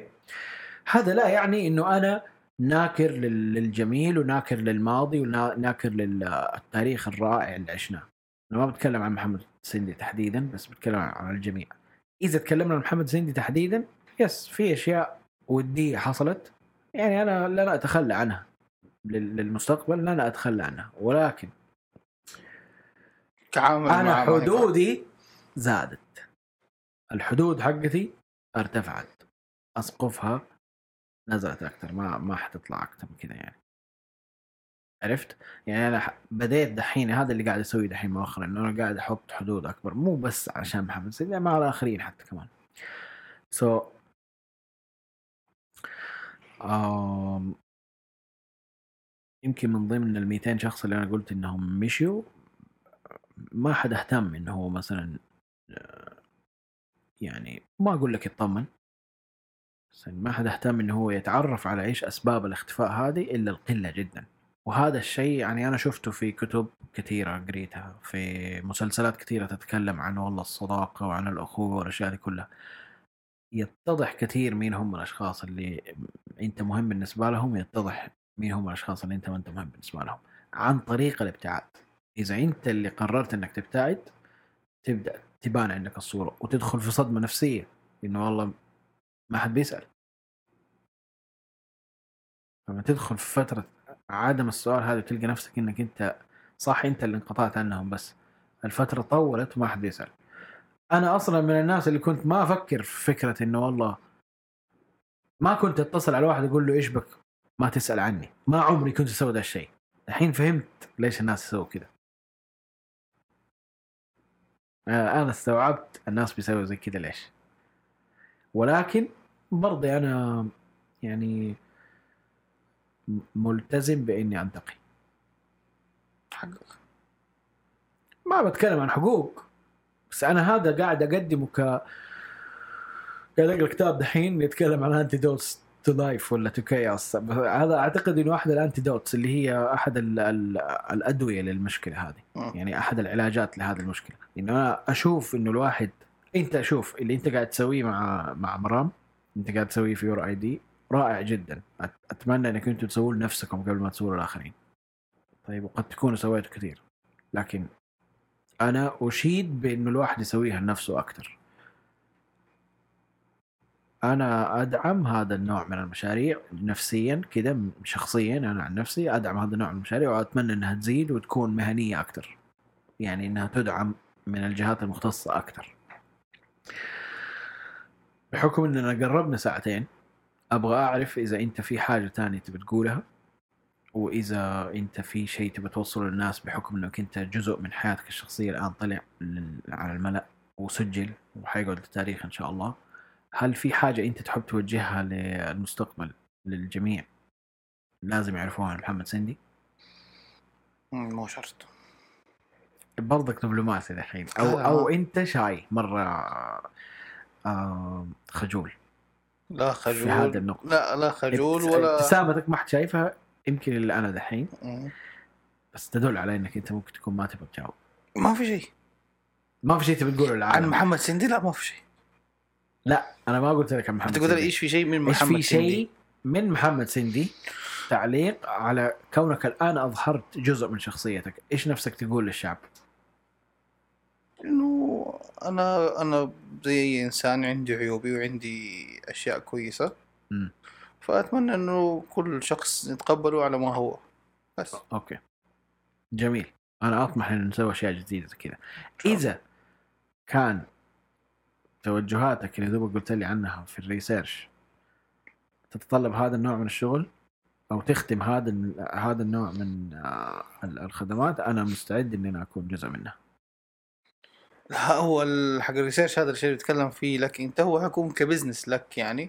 okay. آه يعني شيء إضافي يجي على الشغل اللي أنت عندك already وممكن بس ممكن إيه طبعا تستفيد طبيعي لأنه أي أي أي موضوع تبحر فيه تسوي عليه research حتستفيد مرة كثير. أنا جربتها وفي أشياء معلومات اتغذيت فيها مرة كثير بسبب إني بس قاعد أسوي research بس اكتشفت معلومات كثيرة ومفيدة جدا في حياتي. مم. مجرد إني بس كنت بسوي ريسيرش لحد. فهذه يعني أنا أشو أقول لك إنه صح في منها فائده كبيرة.